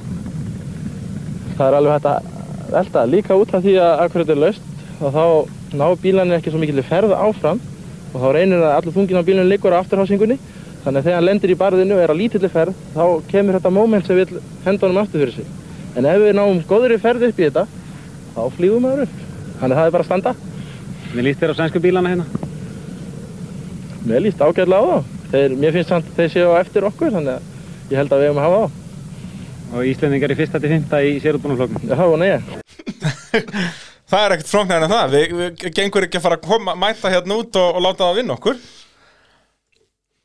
Nei. Það gengur ekki og, og þetta var mjög áhugavert svæði og keppnundan báðar voru mjög skemmtilegar og tilþreifa miklar Þetta, sem brauta lagningin fannst mér hefnast ágætlega Já, já, þetta var bara mjög skemmtilegt. Ég lendi reyndar í, í bílunum á sjálfskiptingu og olju og, og svo settist á í trygg og svona en Já, og sko, og þegar þú settist á hryggina þá fyrir olí að spúast út um allt og kviknar í bílnum. Já, já. Þetta var bara eins glatta og mögulega hægt er. En hérna, það var að fyrri daginn og svo hérna setni daginn tekur já, gullfallu veltuna sem við töluðum á þann sem var eiginlega ekki velta. Ég held að byggja við mitt líst þessu bara eins og einhver ballerína þá svona dansar hann, hann vissulega ferð á kvolf svona eiginlega en tekur svona snúning með því þannig að þú endar á hjólunum. Já, Þetta var mjög smekklegt. Og já, já, hvernig fannst þér þessar keppnir hérna út í, út í Svíþá? já, ég fannst þetta mjög- skemmtilega kemnir og hérna og hérna e, en, já, en e, eftir þessa keppni eða þessa, þessa hérna, ve- hálfveldu Já, sem ég keirði út úr, þá brotnaði reyndar öxul sko. Já það vo- voðalega var þetta allt brottætt Já, já, ég var auðvitað búin að vera að stilla vélina með innspýtingunni og við sátum alltaf klukkutíma að stilla fyrir hverja keppni. Va- vandamáli á þessum tíma þetta var ekki svona soul learning eins og í dag og, og þetta var mjög viðkvæmt fyrir sko bara ef, mismundi loftrýstingi Já. þetta var rakið í loftinu og, og við þurftum alltaf að vera fyrkt í honum. En þegar við fyrktum í honum sko þá bara komið 100 hest upp. Og hérna þannig að það, það aflifaði mikið og þá fór, fór eitthvað að brotna. Og svo þegar við vorum að skipta fara að skipta þarna um öxul þarna þá koma þarna sjónvarsmenn sem sem töluðu um sem tallæknin fljúandi Jú, jú, og hérna og, og, og, sagði, bara, er ekki keppni búin? Það er brotin öxul, hvað hva gerur já við skiptum bara um öxul og hvað ertu svona lengi að segja, ég er svona 5-10 mínútur sagði ha, það gengur nú ekki. Þannig þeir trúðu þess ekki þannig að þeir tóku tíman sko. við Já. styrtum þessu öllu upp og reynda að setja tjakkin undir. En e, og svo var einn að að losa og felgur einnar og, það var allt tilbúið og, og ég var með í höndunum ákveð sexkan til að losa hann að bremsudæluna og þannig að það var allt tilbúið og þeir tóku tíman og tóku þetta upp allan tíman sko, það, já Svo þetta væri bara alveg svart á hvítu. Já, og þetta voru sjö mínútur. Ég skipti um öxelin og sjö mínútur. Og svo þurftu sjófasmenninir að sækja haukurnar á gólfinu bara og... og svo, Já, svo kerfum við bara stað og þeir bara trúðu sig ekki. Já, akkurat. Og þarna náttúrulega var alltaf planið að reyna að koma torfærinu á Eurosport Já, sem að e- einmitt náðist á endanum að, þó að það var ekki svo staðu sem árum sem þú ert að keppa. Ég held að það byrja á Eurosport 96 eða 7 og hérna og en síðan náttúrulega mistu við svolítið þessi Norðurlandamót komið síðan ekkert aftur inn að viti fyrir bara um og upp úr aldamótum í rauninni. Já. þetta var ekkert, við náðum ekki alveg svona þessari fótfestu sem, að, sem að við hefðum kannski viljað veist, ertu með einhver ástæði fyrir því þú veist af hverju út af því að já, allavega svíjarnir á þessum tíma voru mjög peppaðir og spenntir? Já, já, og eins og við lítum á þetta sko að þá lítum við þetta að þetta yrði bara sko formúla framtíðarinnar. Akkurat, akkurat. Það, það er þannig stemning. Og, og, en samt það sem við áttum sko ekki á er að sko almennisáleti var að breytast alltið sko yfir í svona meiri græna hugsun. Já, þannig Og- er það svona að byrja í rauninni Já, þetta sem er núna já. alveg að blómstra. Já, og, og ég get sagt þetta dæmisögu að því sem stiður það mála að, hérna, að því ég var alltaf með kóni dempara og ég var að breyta þeim og, og svo var ég búin að stilla þá hann er þau hann er að virka vel sko. Og ég var hún bara ánægð með fjöðrunina og, og vildi nú groppa mig að því. Þannig að við sendum sko tölupost og myndir og vídeo til Kóni aðal stöðanar sko. Já, og já. vildi nú sponsora sponsora hennar bíl með Hennan ofur torfæru bílmaður, með- formúla offroad. Já, með þessa kónindempara Já, og veistu hvað svar við fengum? Hvað var svarið? það var alveg einstakt það kom svona ein setning. Þakka okkur kellega fyrir að sína okkur hvernig á að eyðileggja kónindempara Nú það er svoleiðis, Já. þeir voru bara móðgæðir Já, Hvers slags eiginlega er þetta? en það var út af þessari hugafærsbreytingu sko, Já. að þetta var eiginlega þarna verið okkur ítt út í að vera jaðarsport. Já, en, en hugmyndin hjá okkur að, að eins og segja, þetta er því á heimsvísu sko. en þannig mitt er og, og torfaran er mikið að vinna með þetta. Sist, við, við erum enn þann dag í dag ekki alveg vissir um hvað við viljum hvort við ger, viljum gera þetta svaka professional og gera þetta svona formúlu framtíðarinn eða þannig eða halda okkur í að vera oljubleitur skúrakallar og hafa þetta svona jaðar og allir kútveltandi og, og svaka gaman sko. En, en svona hvað af þessum tveimur svona ekstrím eða þannig, hva, hva, hvort myndir þú frekar vilja ef þú fer núna að keppa eftir tíu ár Já, en ég, ég held að, að það sé eiginlega samt ljóst sko úr þessu verður þetta sem kallað er jaðarsport. Já, já, en, En- ég meina það er fullt af jaðarsportum sem hann á að meika það Já, ef, ef við já. getum orðað það þannig. Og, og það er alveg hægt að byggja upp ákveðin áhrönda hóp og, og, og, og mönnum finnst, þetta er mjög gott sjónvarsefni Þetta er frábært sjónasefni og hérna þannig ég vil nú meina það það sé alveg hægt að koma svo að herra plan og, en, en, en hugmyndin hjá mér með því að vera endur smíða minn gamla bíl, það er nú bara að klára dæmi sko. Já, akkurat, setja Já, punktinn yfir yfir Já, ég var búin að hugsa ákveðna þætti og, og lagður að stað og svo aflaði maður sér reynslu og svo hef ég verið í skúrnum síðan að smíða hérna einn íkulæn á 44 tommu fyrst og svo 54 tommu og eitt sérflett trukk á 49 tommu og maður er búin að vera í þessu síðan sko, Já. þó ég hef ekki verið að keppa og ég eh, þykist ve- vera að koma með heikla reynslu að ég veit nú alveg hvernig að gera þetta sko. Já,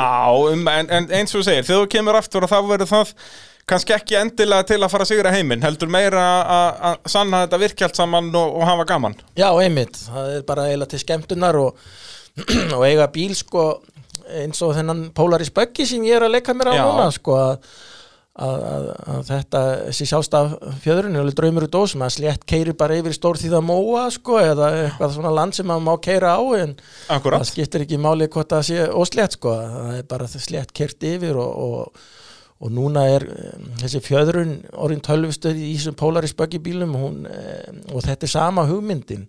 Það sem dæmi að þegar Polaris Buggy bíl með þessari tölvustöri fjöðrun eh, s- fer og sleppur öllu hjólunum og er einhver tíma í loftinu þá þetta dekki niður eins og mínum toffarubíl gamla Akkurat. en þá skynja tölvan það að næsta eftir þessu kemur um þungt högg, það er lendingin Já. þannig að hún stífar upp fjöðrunna hann lendir einu sinni með stífa fjöðrun reysir sig upp og mikið strax þetta er náttúrulega eina vitið í, í, í torfæri og náttúrulega eins og í hlýðarhöllum og þetta, þá er þetta náttúrulega alveg fullkomið að geta haft hann stífan öðrum veginn og mjúkan hinnum Já, og þá er þetta hægt að vera með hallaskinjara og mm. hraðaskinjara líka sko þegar þú gefur í að stífnar hann aftan og, og, og, og þa- þannig að hugmyndin er að, að, hanna tölvu fyrir þetta. Já, já, og ég man sko þetta sérst, ég las hérna indislega bókina hans Skullar Öggvalds meistarar sem hann gaf út held í 96 eða 7 og þá er viðtalið við þig mitt og þá ertu að byrja að lýsa þessari hugmynd þar sko, bara með loftpúðafjöðrun Já, að hafa, hafa hérna tölvustýrða loftpúðafjöðrun sem Já. er raun alveg sama konsept nema bara nú er hægt að gera þetta betra. Já, og nú er ég komið með sko þessa óri gasstempara í Akkurant, og, og, og ég er þegar búin að uh, kaupa ákveðlega vendla sem ég get notað til þess að uh, sprauta inn Mhm. gasi og bæði stífa demparan og hækka og lækka á. Já, Þannig að í mekanikin er komin sko hjá mér en, en talvan er eftir að gera hana og við vorum eitthvað að tala um að haka okkur inn í já, ákveðna okkur inn í Polarisinn það, ég- það hlýtur að vera auðveldara heldur en að gera þetta frá grunni. Já. Ég trúi ekki öðru. Ha, Hérna, þá skulum við fara aftur til ásins 94 og þú klárar sérst ekki tímabilið í Íslandsmótinu en síðasta umferðin er í Norðurlandamótinu líka og þá komu nokkrir hérna svíjar heim og það er Jósastallurinn og þá nærðu fyrsta sætinu, þá, þá bilaði ekki neitt og, og mikil press á þér í þessari keppni út að það var sko, þú þurftir að ná 300 stegum sléttum í síðustu breytinni þú máttir ekki snerta neinn dekk og, og þú fer hérna gullfallega í, í hliðarhalla. Ég held að það sé svona einn flottasta klippa sem er til af bílum hjá þér þegar þú nýtið er fjórhjólastýrið og ert sko að, til að vippa þér upp fyrir eitt dekkið sko sem þú varst orðin helviti fær í á þessum tíma. Og, og Þetta var mjög mikið svona fyrirlin hjá þér sko ef þetta hjekk í lægja þá varstu í, allavega á velunapalli ef ekki bara fyrstur Já, takk fyrir það, en ég man að þetta var, þetta er eiginlega svona skemmtilegustu mómentin að keira bílinn að, að, að, yfir svona hryggi að, að, hérna, að gefa það allir vel í, hafa ferðina og stilla hraðan eins og Lexi talaði um á snjóslöðunum fyrir stökkið. Akkurat. Og taka svo í stöngina eins og þá var og beigja honum aftur og vippa honum yfir svona, þetta Akkurat. var alveg Og indislegt Þetta er líka svo smekklegt sko út af því að dekkið er aðna sko, maður sér markmiðið þetta er ekki bara ef þú er að keira eitthvað staðar opnu umhverfi að þannig að þú ert að dinglónum hingað og þangað heldur akkurat, þú fer bara akkurat nógu hátt til að fara yfir dekkið. Þannig að þetta er bara ein- eins fullkomið það verður. Og hérna og eins og segja, þetta er síðasta keppnin 94, þá getum við talað um 95 hérna eftir örstuð hlýja Þið eru að hlusta á mótorvarpið, ég heiti Bræði Þórðarsson og í þessum þáttum fjöllum við mótorsport á fjórum hjólum. Og eh, erum að tala um torfæruna í dag. Þórir Sjött, þú varst að keppa í torfærunni frá hvað 92 til eh, 95 Já. Og eh, mótorvarpið í Nóa Sirius stúdíóinu og eh, bíla.urinn, yðnvélar, AB, varahlutir og bíljöfur að styrkja gerð þáttana og eh, bíljöfur al, með allar almennar bílaviðgerðir á smiðjuvegi 34 í Kópavoginum.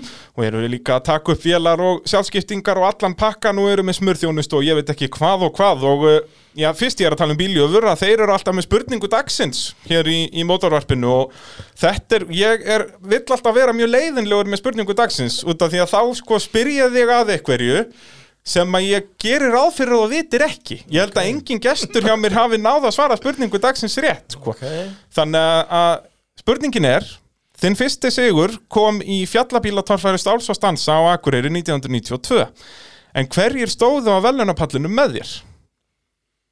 Þú þarft ekki að muna hvort þér voru í öðru eða þriða, bara hverjir tveir voru þarna á, í öðru og þriða seti Gísliki Jónsson, Einar Gullarsson, ég man ekki. Nei, það hvorugur þeirra viltu, viltu gíska einu sinni enn?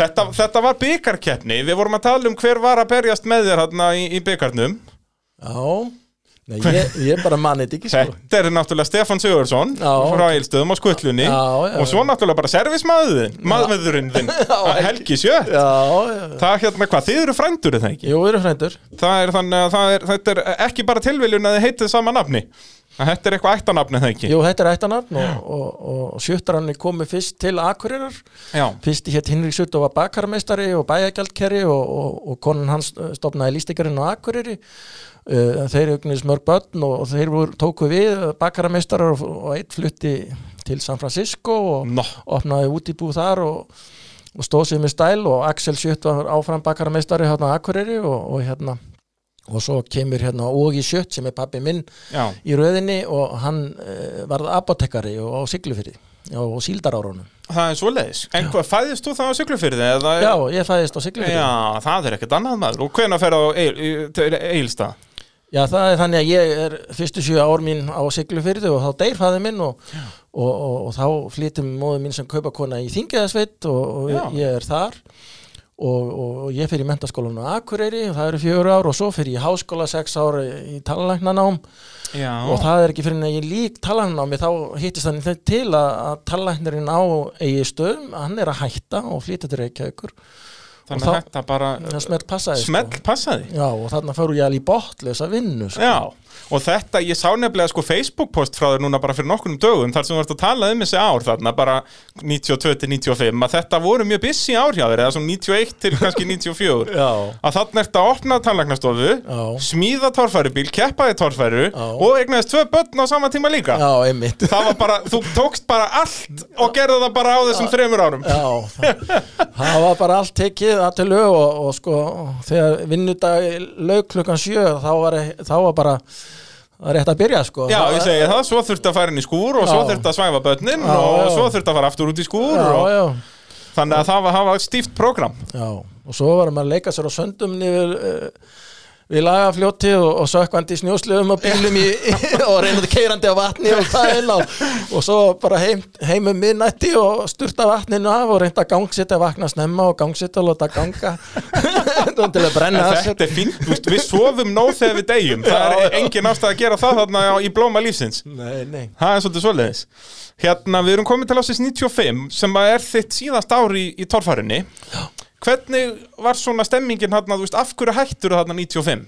Var komin svona bara einhver þreita í þetta þarna fyrir þetta eða? Já, ég, það var svona að byrja það byrja að vera ég var auðvitað þreyttur á þessu endalessu endursmíði og viðgerðu og, og, og síðan var ég að reyna að koma á breytingum í toffarinn ég var svona ég, sko, toffarinn átti hugminn allan og ég vildi henni vel og, og vildi koma inn á hæra plan og ég var farin að sitja svona þess út á keppnishald og, og, og, og ég smalaði þarna keppundu saman í félag. Akkurat Bara svona félag keppenda. Já, félag Ég keppenda. sá um mitt blaðagrein um það. Og, og þá var við reyna að hafa áhrif, áhrif innan landsambansins Mhm. og, og, eins og þekkist í öllum öðrum þú veist, Formule 1 og allar aðrar akstuðjúrtir eru með svona félag. Já, já, og ég var komin í stjórn eh, lí á endanum og, en, en ég satt undir mikil í gaggrinni Já, eins og oft er þegar Já. mann setur sig í þessa stöðu sko, já, að, að þá verður það ekstra þreytandi sko. að þannig að, að því að ég gat ekki komið sér, það gekk illa að ná breytingum, ég var satt í hérna nefndum og, og, og ég var að, líka að reyna að koma á hvernig breytingum í sambandi við reglugerð og, og keppnishald og, og en þetta voru óttalega streð og svo var maður þreyttur á þessum endalessu vikjurum að, að ég ákvaða að það var bara komið uh, gott og, og ég sagði sko að ég nú er ég hættur og ég kem aftur þegar all, þetta er orðið heimsfrækt Já, já, akkurat. Sem að svona virkaði alveg svona nokkurn veginn. Ég meina það þegar þú ert að byrja að smíða í axlinn aftur og þá er, er það plan komið að við ætlum til Ameríku þannig að það hérna þetta svona virkaði næstu því mannst eitthvað svona hvað þetta var nákvæmlega eða svona hvernig hugarástandi var hvernig vildur gera torfærina betri, Hva, hvað voru hugmyndirnar? Eða var þetta meira bara svona breyta reglu hér og þar? Eða þú veist, varstu með eitthvað svona framtíðarvisjón fyrir þetta? Já, sko ég sá auðvitað hennar möguleika að gera þetta svona aðeins meira sjó.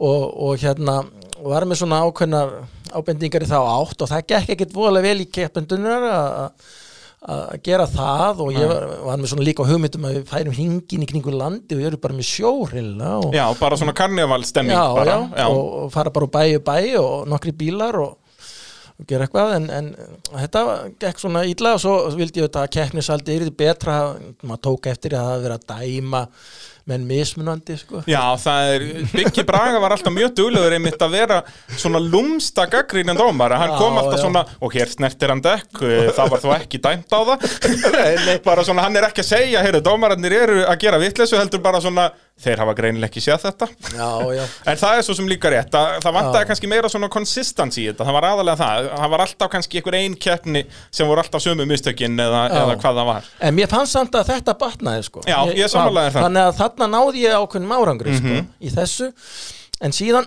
þegar ég var komin inn í landsambandi í Lía sko, að þá voru bara mm, ákveðni menn þar sem stoppuðu mig af sko, og einangröðu mig sko. Og, og, og ég var akkurat þannig 94-5 og uh, var líka komin í rítstjórn motorsportsáttarins þá og, Já, ok. og hérna og hann var svona með ýmsar hugmyndir en en það náði bara ekki fram að ganga og ég sá fram á svona dalt í stríð og Já. ég var eiginlega bara vorin fullsattur og sagði bara bless Já, og svo náttúrulega líka sko út af keppnislega hliðin að þetta er náttúrulega bara það allara mesta í motorsporti er að, að þegar þú veist að þú ert með allt í höndunum til að vinna keppnir en samt er alltaf ykkur brotin öxull eða eitthvað svona, þetta er alltaf veist, þetta verður svakalega svona andlega þreytandi. Já, já, það var það og, og hérna þannig að hérna en í- ef, ef það hefði verið komið eitthvað meira fjármagn þarna inn og, Já. og, og farið hraðar upp að herra level þá hefði ég haldið áfram kannski eftir eitt og tvö ár og ég var líka með svona milli hugmynd að ég, þá var ég að leika mér ég, með hérna Propangas og, og setti það á Dodge Power Wagon turbínu og, Já, og kerði hann eitt ár og, og, og þá var ég að leitast eftir að fá þetta löggilt á göttum og var þá eiginlega undan samtímanum þannig að ég var Já. að nota svona elsniti sem var í umhverfisvænt á okkur leiti sem að svona síðan metanið kom og og gerði hlut kom svo sko. síðar sko. Já, þegar, alveg mörgum árum síðan já, og svo þegar metanreglugerðin kom sko að þá var skrifað inn í hanna sko að, að það veri óheimt að nota elsniti annað en eitthvað ákveðin og það talið upp og, og própanni ítt út sko. Já, það er svo leiðis Já, þannig að þá dó þú hugmynd og, og hérna. Það voru bara allir á mótið þér þannig? Já, já, en, en ég fór bara í þennan jeppa business á fjöllum sko. Ég akkurat. sprautaði hann upp í Grímsvötn og fór að snjóslega upp að Kanadalsnjúk og, og hafði bara gaman að öðru sko. Já En það er þarna, er það ekki fyrir 95 tímabili sem að þú sest, hækkar þjöppuna og, og ert komin þarna með einhver 800 hestöflu og ert ekki með nýtró Já, reyndar, reyndar Það var það árið fyrir eða? Nei, reyndar notaði ég eiginlega nýtró aldrei. Ég prófaði það hann í svoleiðis. Mýrdal í einni braut og sprautaði hann upp og flög hann að þeirri 80-40 metri upp í loftið og lenda á kolvi sko. Já, og, og, það, og það var bara það komið gott. Já, það komið gott sko. Að því að ég var komið með þessa innspýtingu, ég var í aðeins vandræði með hana. En, en við lærðum auðvitað alltaf meira og meira á að stilla bílinn og fundum alltaf gomma hestöflu þegar við gáðum okkur tíma. En Já. svo var svo alltaf vandræðilega sko að því að þessi innspýting þetta var svona fyrsta kynslu beitar innspýtingar bara í heiminu sko. Já, já, og þetta var alltaf frumstætt sko. það þannig að svo dró ský fyrir sólu og stillingin virkaði ekki. Já, já þetta, eins og þú segir líka sko, torfaran er mjög ekstrím eða þannig. Og þegar þetta liggur við er eins og þú segir að það má ekki koma ský eða, eða koma smá dropar og hvað þá að þetta fyllist alltaf ríki og eitthvað svona, þetta er, þetta er mjög erfitt. Já, já, og þú veist, við sjáum það núna að það er, menn er ennþá að basla með þetta í dag þó að þetta er orðin nú tiltölulega fullkomin búnaður. Já, já, þannig að maður skilur að þetta hefur verið Já, já. en svo náttúrulega gerist annar merkilegt á 95 að þá kemur Halli P. með stýrið að aftan. Já, að hann sérst kemur fyrst held ég með það á eigilstöðum en þá sérst var það ekki alveg tilbúið þannig að hann læsti því bara og notaði það ekki neitt. Og notaði það svo aftur í ykkur einni keppni og hendi því síðan bara leist á þetta Já, já. Sérst, voru þið eitthvað að tala saman? Talaði hann eitthvað við þig um þetta eða? Nei, eitthvað lítið sko. Já, og, ég heyrði hann bara segja það sko að hann hefði verið fljótur að sjá það að, að það væri bara be betra að beigja bílnum meira að framann já sem hann svo á. síðar sem, gerði sko. sem síðar gerðist og, og ég stið alveg þá hugmynd sko. Já, já, en það er kannski það er vissulega dýrara og náttúrulega þingra og þú ert kannski ekki að setja þingdin á góðan stað með að hafa svona nýþunga framhásingu Nei, nei, en en, en, uh, en, uh, en sko þe- þetta er alveg rétt hjá honum og, og hérna, en þú voru aðtöða á mínu tíma, sko, þá voru við auðvitað bara að nota hluti úr partasölum, Já, sko. þarna var ekkert eBay og, Já, og allt þetta sko, þú þurftir að vinna með það svo það hafðir Já, og það, veist, maður að paksa til bandaríkjana og þannig að þú fegst varalutin sko, ef þú byrjar að pæli að vilja hann í, í mæ að þá fegst hann í oktober já, já. Þannig að sko núna er bara alveg gjör breyttur heim Já. Þú getur nánast bara gert hvað sem er og það eru endalega hugmyndir þarna í bandarækjónum með útgáfu af allskis millikössum og öxlum og sterkari öxlum og kúliliðum og öllu þessu sko. þannig að þarna á þessum tíma sko, þá voru hendur okkur bundnar eins og- Já, já, eins og. Ólafur Lefason sagði í mig sko, að því að ég tala auðvitað við hann því að ég byrja að endur smíða með bíl sko. nú, nú er, er þetta bara allt annað heimur Já, já, sem þetta vissulega er að það er hérna, að hafa þetta allt bara á, á fingurgómunum hérna, allan heiminn að, það, vissulega hjálpar uh, Kemur það þér óvart að engin annar hefur reynt fjórhjólastýri að einu viti? Nei, Ég held að eftir að maður gerði þessa breytingu að leggja svona mikið á framann að þá hafi það bara verið rétt leið í þróuninni sko. En Já. ég er bara svo þröskur sko að því ég byrjaði á þessu þá gesti ég ekkert upp Nei, sko, ég vil meina, þú veist, og ég er nú engin sérfræðingur í þessu, en mér finnst skrítið að enginn hafi allavega reynt þetta, sko, út af því að, að þetta er, þetta er tiltölulega auðveldur búnar, vissulega þarf þennan sjálfrétti búnað, sko, en, en hérna, hann virkaði allan vel hjá þér, bílaði aldrei, Já, og hérna, að, mér finnst svolítið skrítið að enginn hafi tekið slægin með þetta, sko. en ég hef ég sko þegar ég kom með þessa hugmynd fyrst þá kom ég með hann inn á borð á fundi í jeppaklúpnum á Eistum Já, og Stefán hérna var þar. Já, Stefán Sig. Já, og ég kynnti þessa hugmynd og sagði að ég var að spá ég að fara út í þetta Og er þetta hann bara 91 eða eitthvað? já, já. Já. og hann stendur upp á fundinum og kallar yfir salin þetta mun aldrei virka og rauk út og ég held að sko, ég er ekkert að lasta hann ég held að þetta sé sko, máli er að menn sko, telja sig get ekki ráði við þetta Já. þetta sé á flókið að gá, ná ekki að stýra þessu og þess vegna leggja ekki í þetta en ég var til dæmis að skýra þetta út fyrir einum í motorsportinu nýlega að þú þarft að bara setja því ákveðna hugsun sko. þú ert svo automatíkusur á stýrisjólinu að þú getur bara stýrt því með annari hendi og það gerist bara automatík, þú þarft ekki að hugsa alveg mikið hægri vinstri, hægri vinstri sko. þú bara stýrir og, og, og hugsunin með afturstýrið ef þú ert með það svona manjöld að þá er það bara þannig að þú hugsar það þannig að þú ert að færa aftur enda bílsins frá hægri til vinstri Já. þú stýrir bara automatík og það nákvæmlega eins og þú gerði áður Hugsar kannski ekki beint um þetta sem stýri heldur Nei. meira bara svona, þú ert Já. að færa aftur endan Já, færi afturönd og svo veistu að þegar þú gefur í og spólar þá kemur þessi beigi radíus Og þú nefnilega varst byrjaðar að nota þetta mjög mikið sko, alveg, sko að mínum að þetta er kannski of mikið En þú varst líka byrjaðar að ná góðum tökum að þessu Já, sérstaklega svona að- að ná kröppum beigju með gjöf og, og, Mhm. og yfir hyggi í beigju en, en, en síðan vegna sjálfstæði fjörunni sem ég myndist aðeins á áðan sko, að þá eh, var ég að velta mei, á stöðum sem aðri veltu ekki Já. vegna þess að þungi lagðist á eitt dekk og þá heldur ekki fjöðrunin upp í þunga bílsins, hann nýgur niður í samslátt og þá er bílinn hún skakkur og svo rúla ég bara eiginlega út að engu sko. Já, akkurant, akkurant Þannig að það eru ákveðin neikvæðir þættir þarna en, en málið fyrir minn bíl allana er það bara að halda hraðanu sko. Keira bara ákveð Og það er mitt gerði það að verkum að það var aldrei leiðilegt þegar þú komst í braut. Að það var alltaf til fyrir sko hvort sem að sko, sprengtir upp brekkuna eða, eða veltir eða, eða hvað að þú, eins og sér, keirði mjög greitt í gegn bara einfallega út á þú þurfti þess þú kunnir á þinn bíl og, og vissir að, að þú þurftir að vera, já, keira þétt í gegnum þetta. Og, og svo náttúrulega, já, líka það að þegar þú fórst í börðin að þá virkaði þetta það vel að, já, það var aldrei leiðilegt það er svolítið svoleiðis og ég vildi í rauninni enn krappari börð og enn meiri stalla sko. Ég, ég, það er það sem ég vildi sko. ég vildi að ég viss alveg að bílinn gæti enn meira í því Já, akkurat, akkurat það, Þú hérna, náður aldrei að sína svona allt potentialið ef Nei, maður er að orða það þannig að, að það, voru, það voru fullt af svakalugum börðum hann sem að þú eitt komst upp en, en, og hefðir sennilega geta gert meira já, sko. já, og langar nú eiginlega að sína það sko. Já, það ekki, það, ég, ég, ég er orðin mjög peppaðar að fara að fá þig aftur sko. það er, það er óvægt að segja það uh, Síðan náttúrulega prófaður líka, það er alltaf fræg mynd af bílnum þar sem var búið að smíða svona hús á henni þegar ekki? Og þú fórst í að keyra á, á snjó á, á torfæribílnum, í axlinum Já, við keiftum nú bara eitthvað segl og, og, lögðum það yfir og, fengum bólstrar til að sauma það af á eldibúrinu og síðan var bara svona álrammi sem við settum rúðu í með gúmilista og svo rúðuþursku og, og svo var sprautað upp á fjaraði og,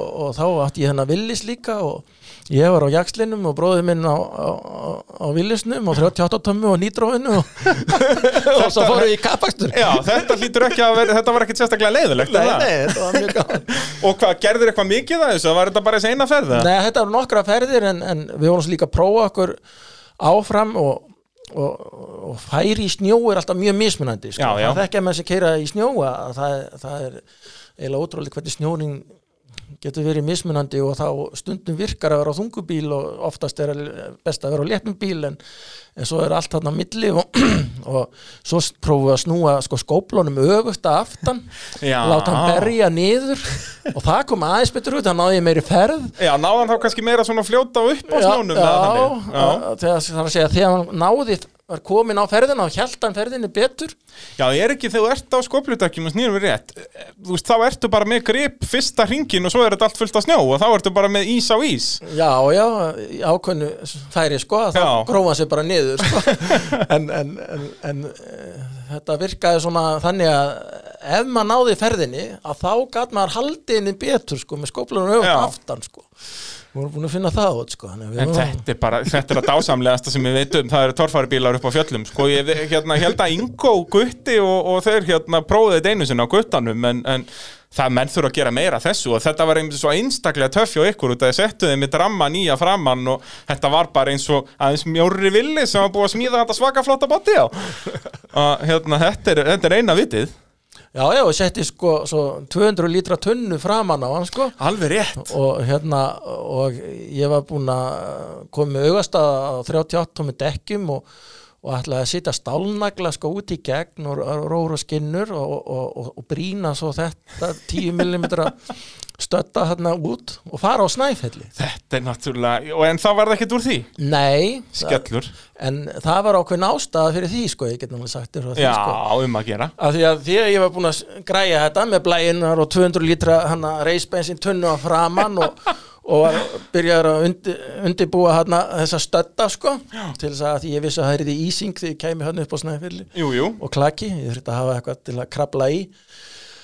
Þá þetta, fréttist það og það þýtti að kom blaðamár og tók mynda mér við bílinn og það fór í mokkan og síðan kemur bara bréf frá hérna náttúruvendasamtökum Íslands það sem er sagt að, að, að, að þeir ætla að nota þetta sem prómal ef ég geri þetta ég sé að eyðileggja ákveðna einhvern ljóma snæfissi sem bara hefur verið gengi á þeim eða keira upp á það. Og, og þeir ætla að láta að reyna það sem prómal að stoppa utanvegastur á snjó. Já.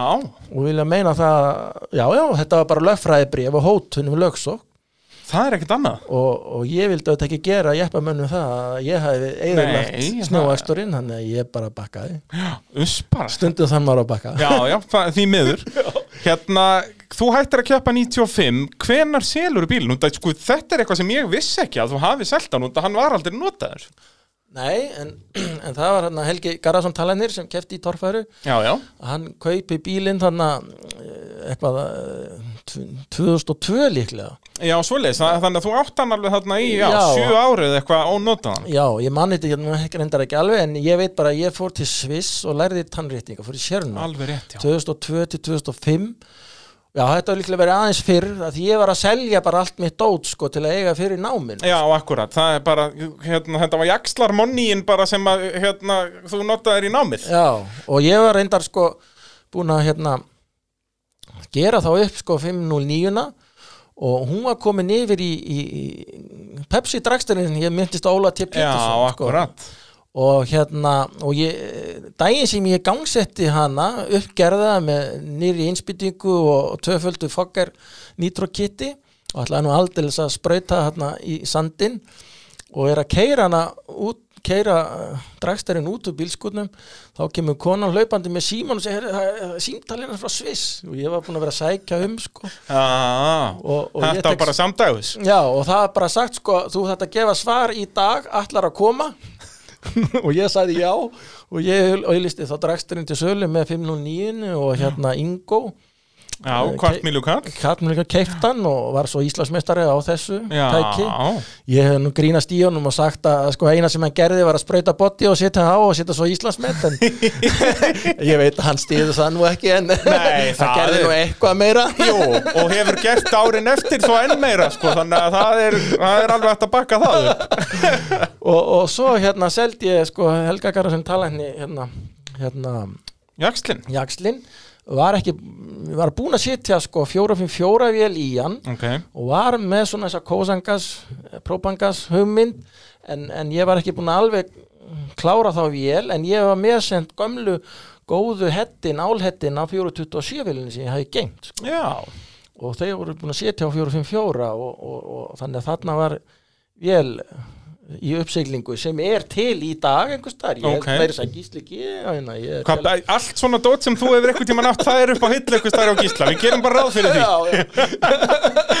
En hérna, af hverju var hann aldrei notaður, veistu það? Af hverju, hérna, Helgi notaði hann ekkert? Nei, það var bara þannig að hann var með eitthvað hugmyndum að nota hann og, og síðan bara bilaði eitthvað í hans bíl sem var fyrir og þá byrjaði hann að bara reyta hluti úr jakslinu. Já, svoleiðis, þannig að Jakslinn var bara notaður sem bara... Já, var að luta lag. Það, Já. það var hann ál, eh, nýlegur ál vaskassi, hann fór held ég fyrstur, svo fóru demparanir og, og, og fleira og fleira og fleira og endanum var hann orðin bara Bara grind bara grind og þá fór, var að setja bara inn geimslinn í Hnjóskadal og hjá Sitta Já. og Sitti var nú með einhverja hugmyndir ég veit ekki, en hann stóð þar bara í skabli í nokkur ár og hann þegar hann er það sama geimsla og sem sagt bílinn hann sitta var í og flugan og fleiri eða það ekki? Getur það ekki verið? Já, sko, Sitti mætti hann á nýlegum bíl eh, með aðstóð held ég Helga Sjött og Einar Gunnlaug þeir voru þrýra á nákvæmlega já, sko, og hann mitt sko eftir að hann er búinn að keppa þá geymir hann sinn bíl í, í þessari hlöðu Já. og flugan er geimt hann líka Guðmundur. Pálsson átti hanna og svo hefur Jakslinn verið hann líka. Já. og þetta hefur verið bara randýr hlaða Já, en hann var auðvitað að kaupa jörðan og þurfti að selja sko, já, út að að ná jörðinni og, og þá já, að keppa svona er þetta svona er þetta en þú sem sagt kaupir svo Jakslinn aftur Hver, hvenær er það? Er það bara 2000 og hvað? 12, 13 eitthvað svo leiðis? 14? allir það ekki Ég held að ég takki viðtalið fyrir heimildamyndina 15-16 eitthvað svo leiðis og Já, þá er hann, já. ertu langt komin, þá ertu búin að smíða nýtt velti brofan á sko Já, já, Þannig að þetta hlýtur að hafa verið þarna, já ég átta með þetta veltibúr var úr úrelt og það eru allir riðgað innan að það fór bara af og svo enda með þegar body fór af og, en svo sá ég að að nota grindin á hásingarnar og ég setti RCF öxla með kúliðum og búin að auka beigur að því sem framan og aftan og svo verið komið úr í dempara og svo va- eh, egnaðist ég hann að 454 vel gamla sem sem uh, ég sendi svo til Englands í dínotest og, og, og setti tvær túrbinur og metanólinsbyttingu, fastinsbyttingu og hún har dínotestuð þúsund hún Ekki er, amalugur pakki. Nei, hún er sko með engu laggi sko, hún er með tveimur litlum túrbínum þar að segja að kuðungan eru litlir og frekar mjóa púskreinar sem þýðir að þær spítast upp á snúning hratt sko, Já, þetta er ekki sko svona kvartmílu túrbínur heldur, heldur uh, fer hann bara að toga mjög hratt inn og, og það er ekkert lag og ég fekk að hamast hann ég fór til Englands í dínatestun og fekk að hamast hann og stýripinnunum gefa hann slag á að ég sagði að það mætti ekki vera turbínulag og það, það tókst allavega hann í dínu Ok, ok. en ég á nú eftir að sína það sko. Já, eins og ég segi, það er, ég er orðin virkilega spenntur að fá þig aftur í tórfærina Þóri. Það er bara svoleiðis og það er búið að vera virkilega gaman að fá þig í spjall. Takk að fyrir. Að fara yfir hennan magnaða feril og eins og ég segi, það verður litla vistlan þegar þú kemur aftur. Ha? Já, hvernig sem það verður, Já, já, við lofum engum með það en það kemur að því. Já, já, kemur að því. Það er svoleiðis, hérna takk kærlega fyrir að koma. Erum við ekki búin að fara nokkuð vel yfir þetta bara? Jó, takk að fyrir, þetta er bara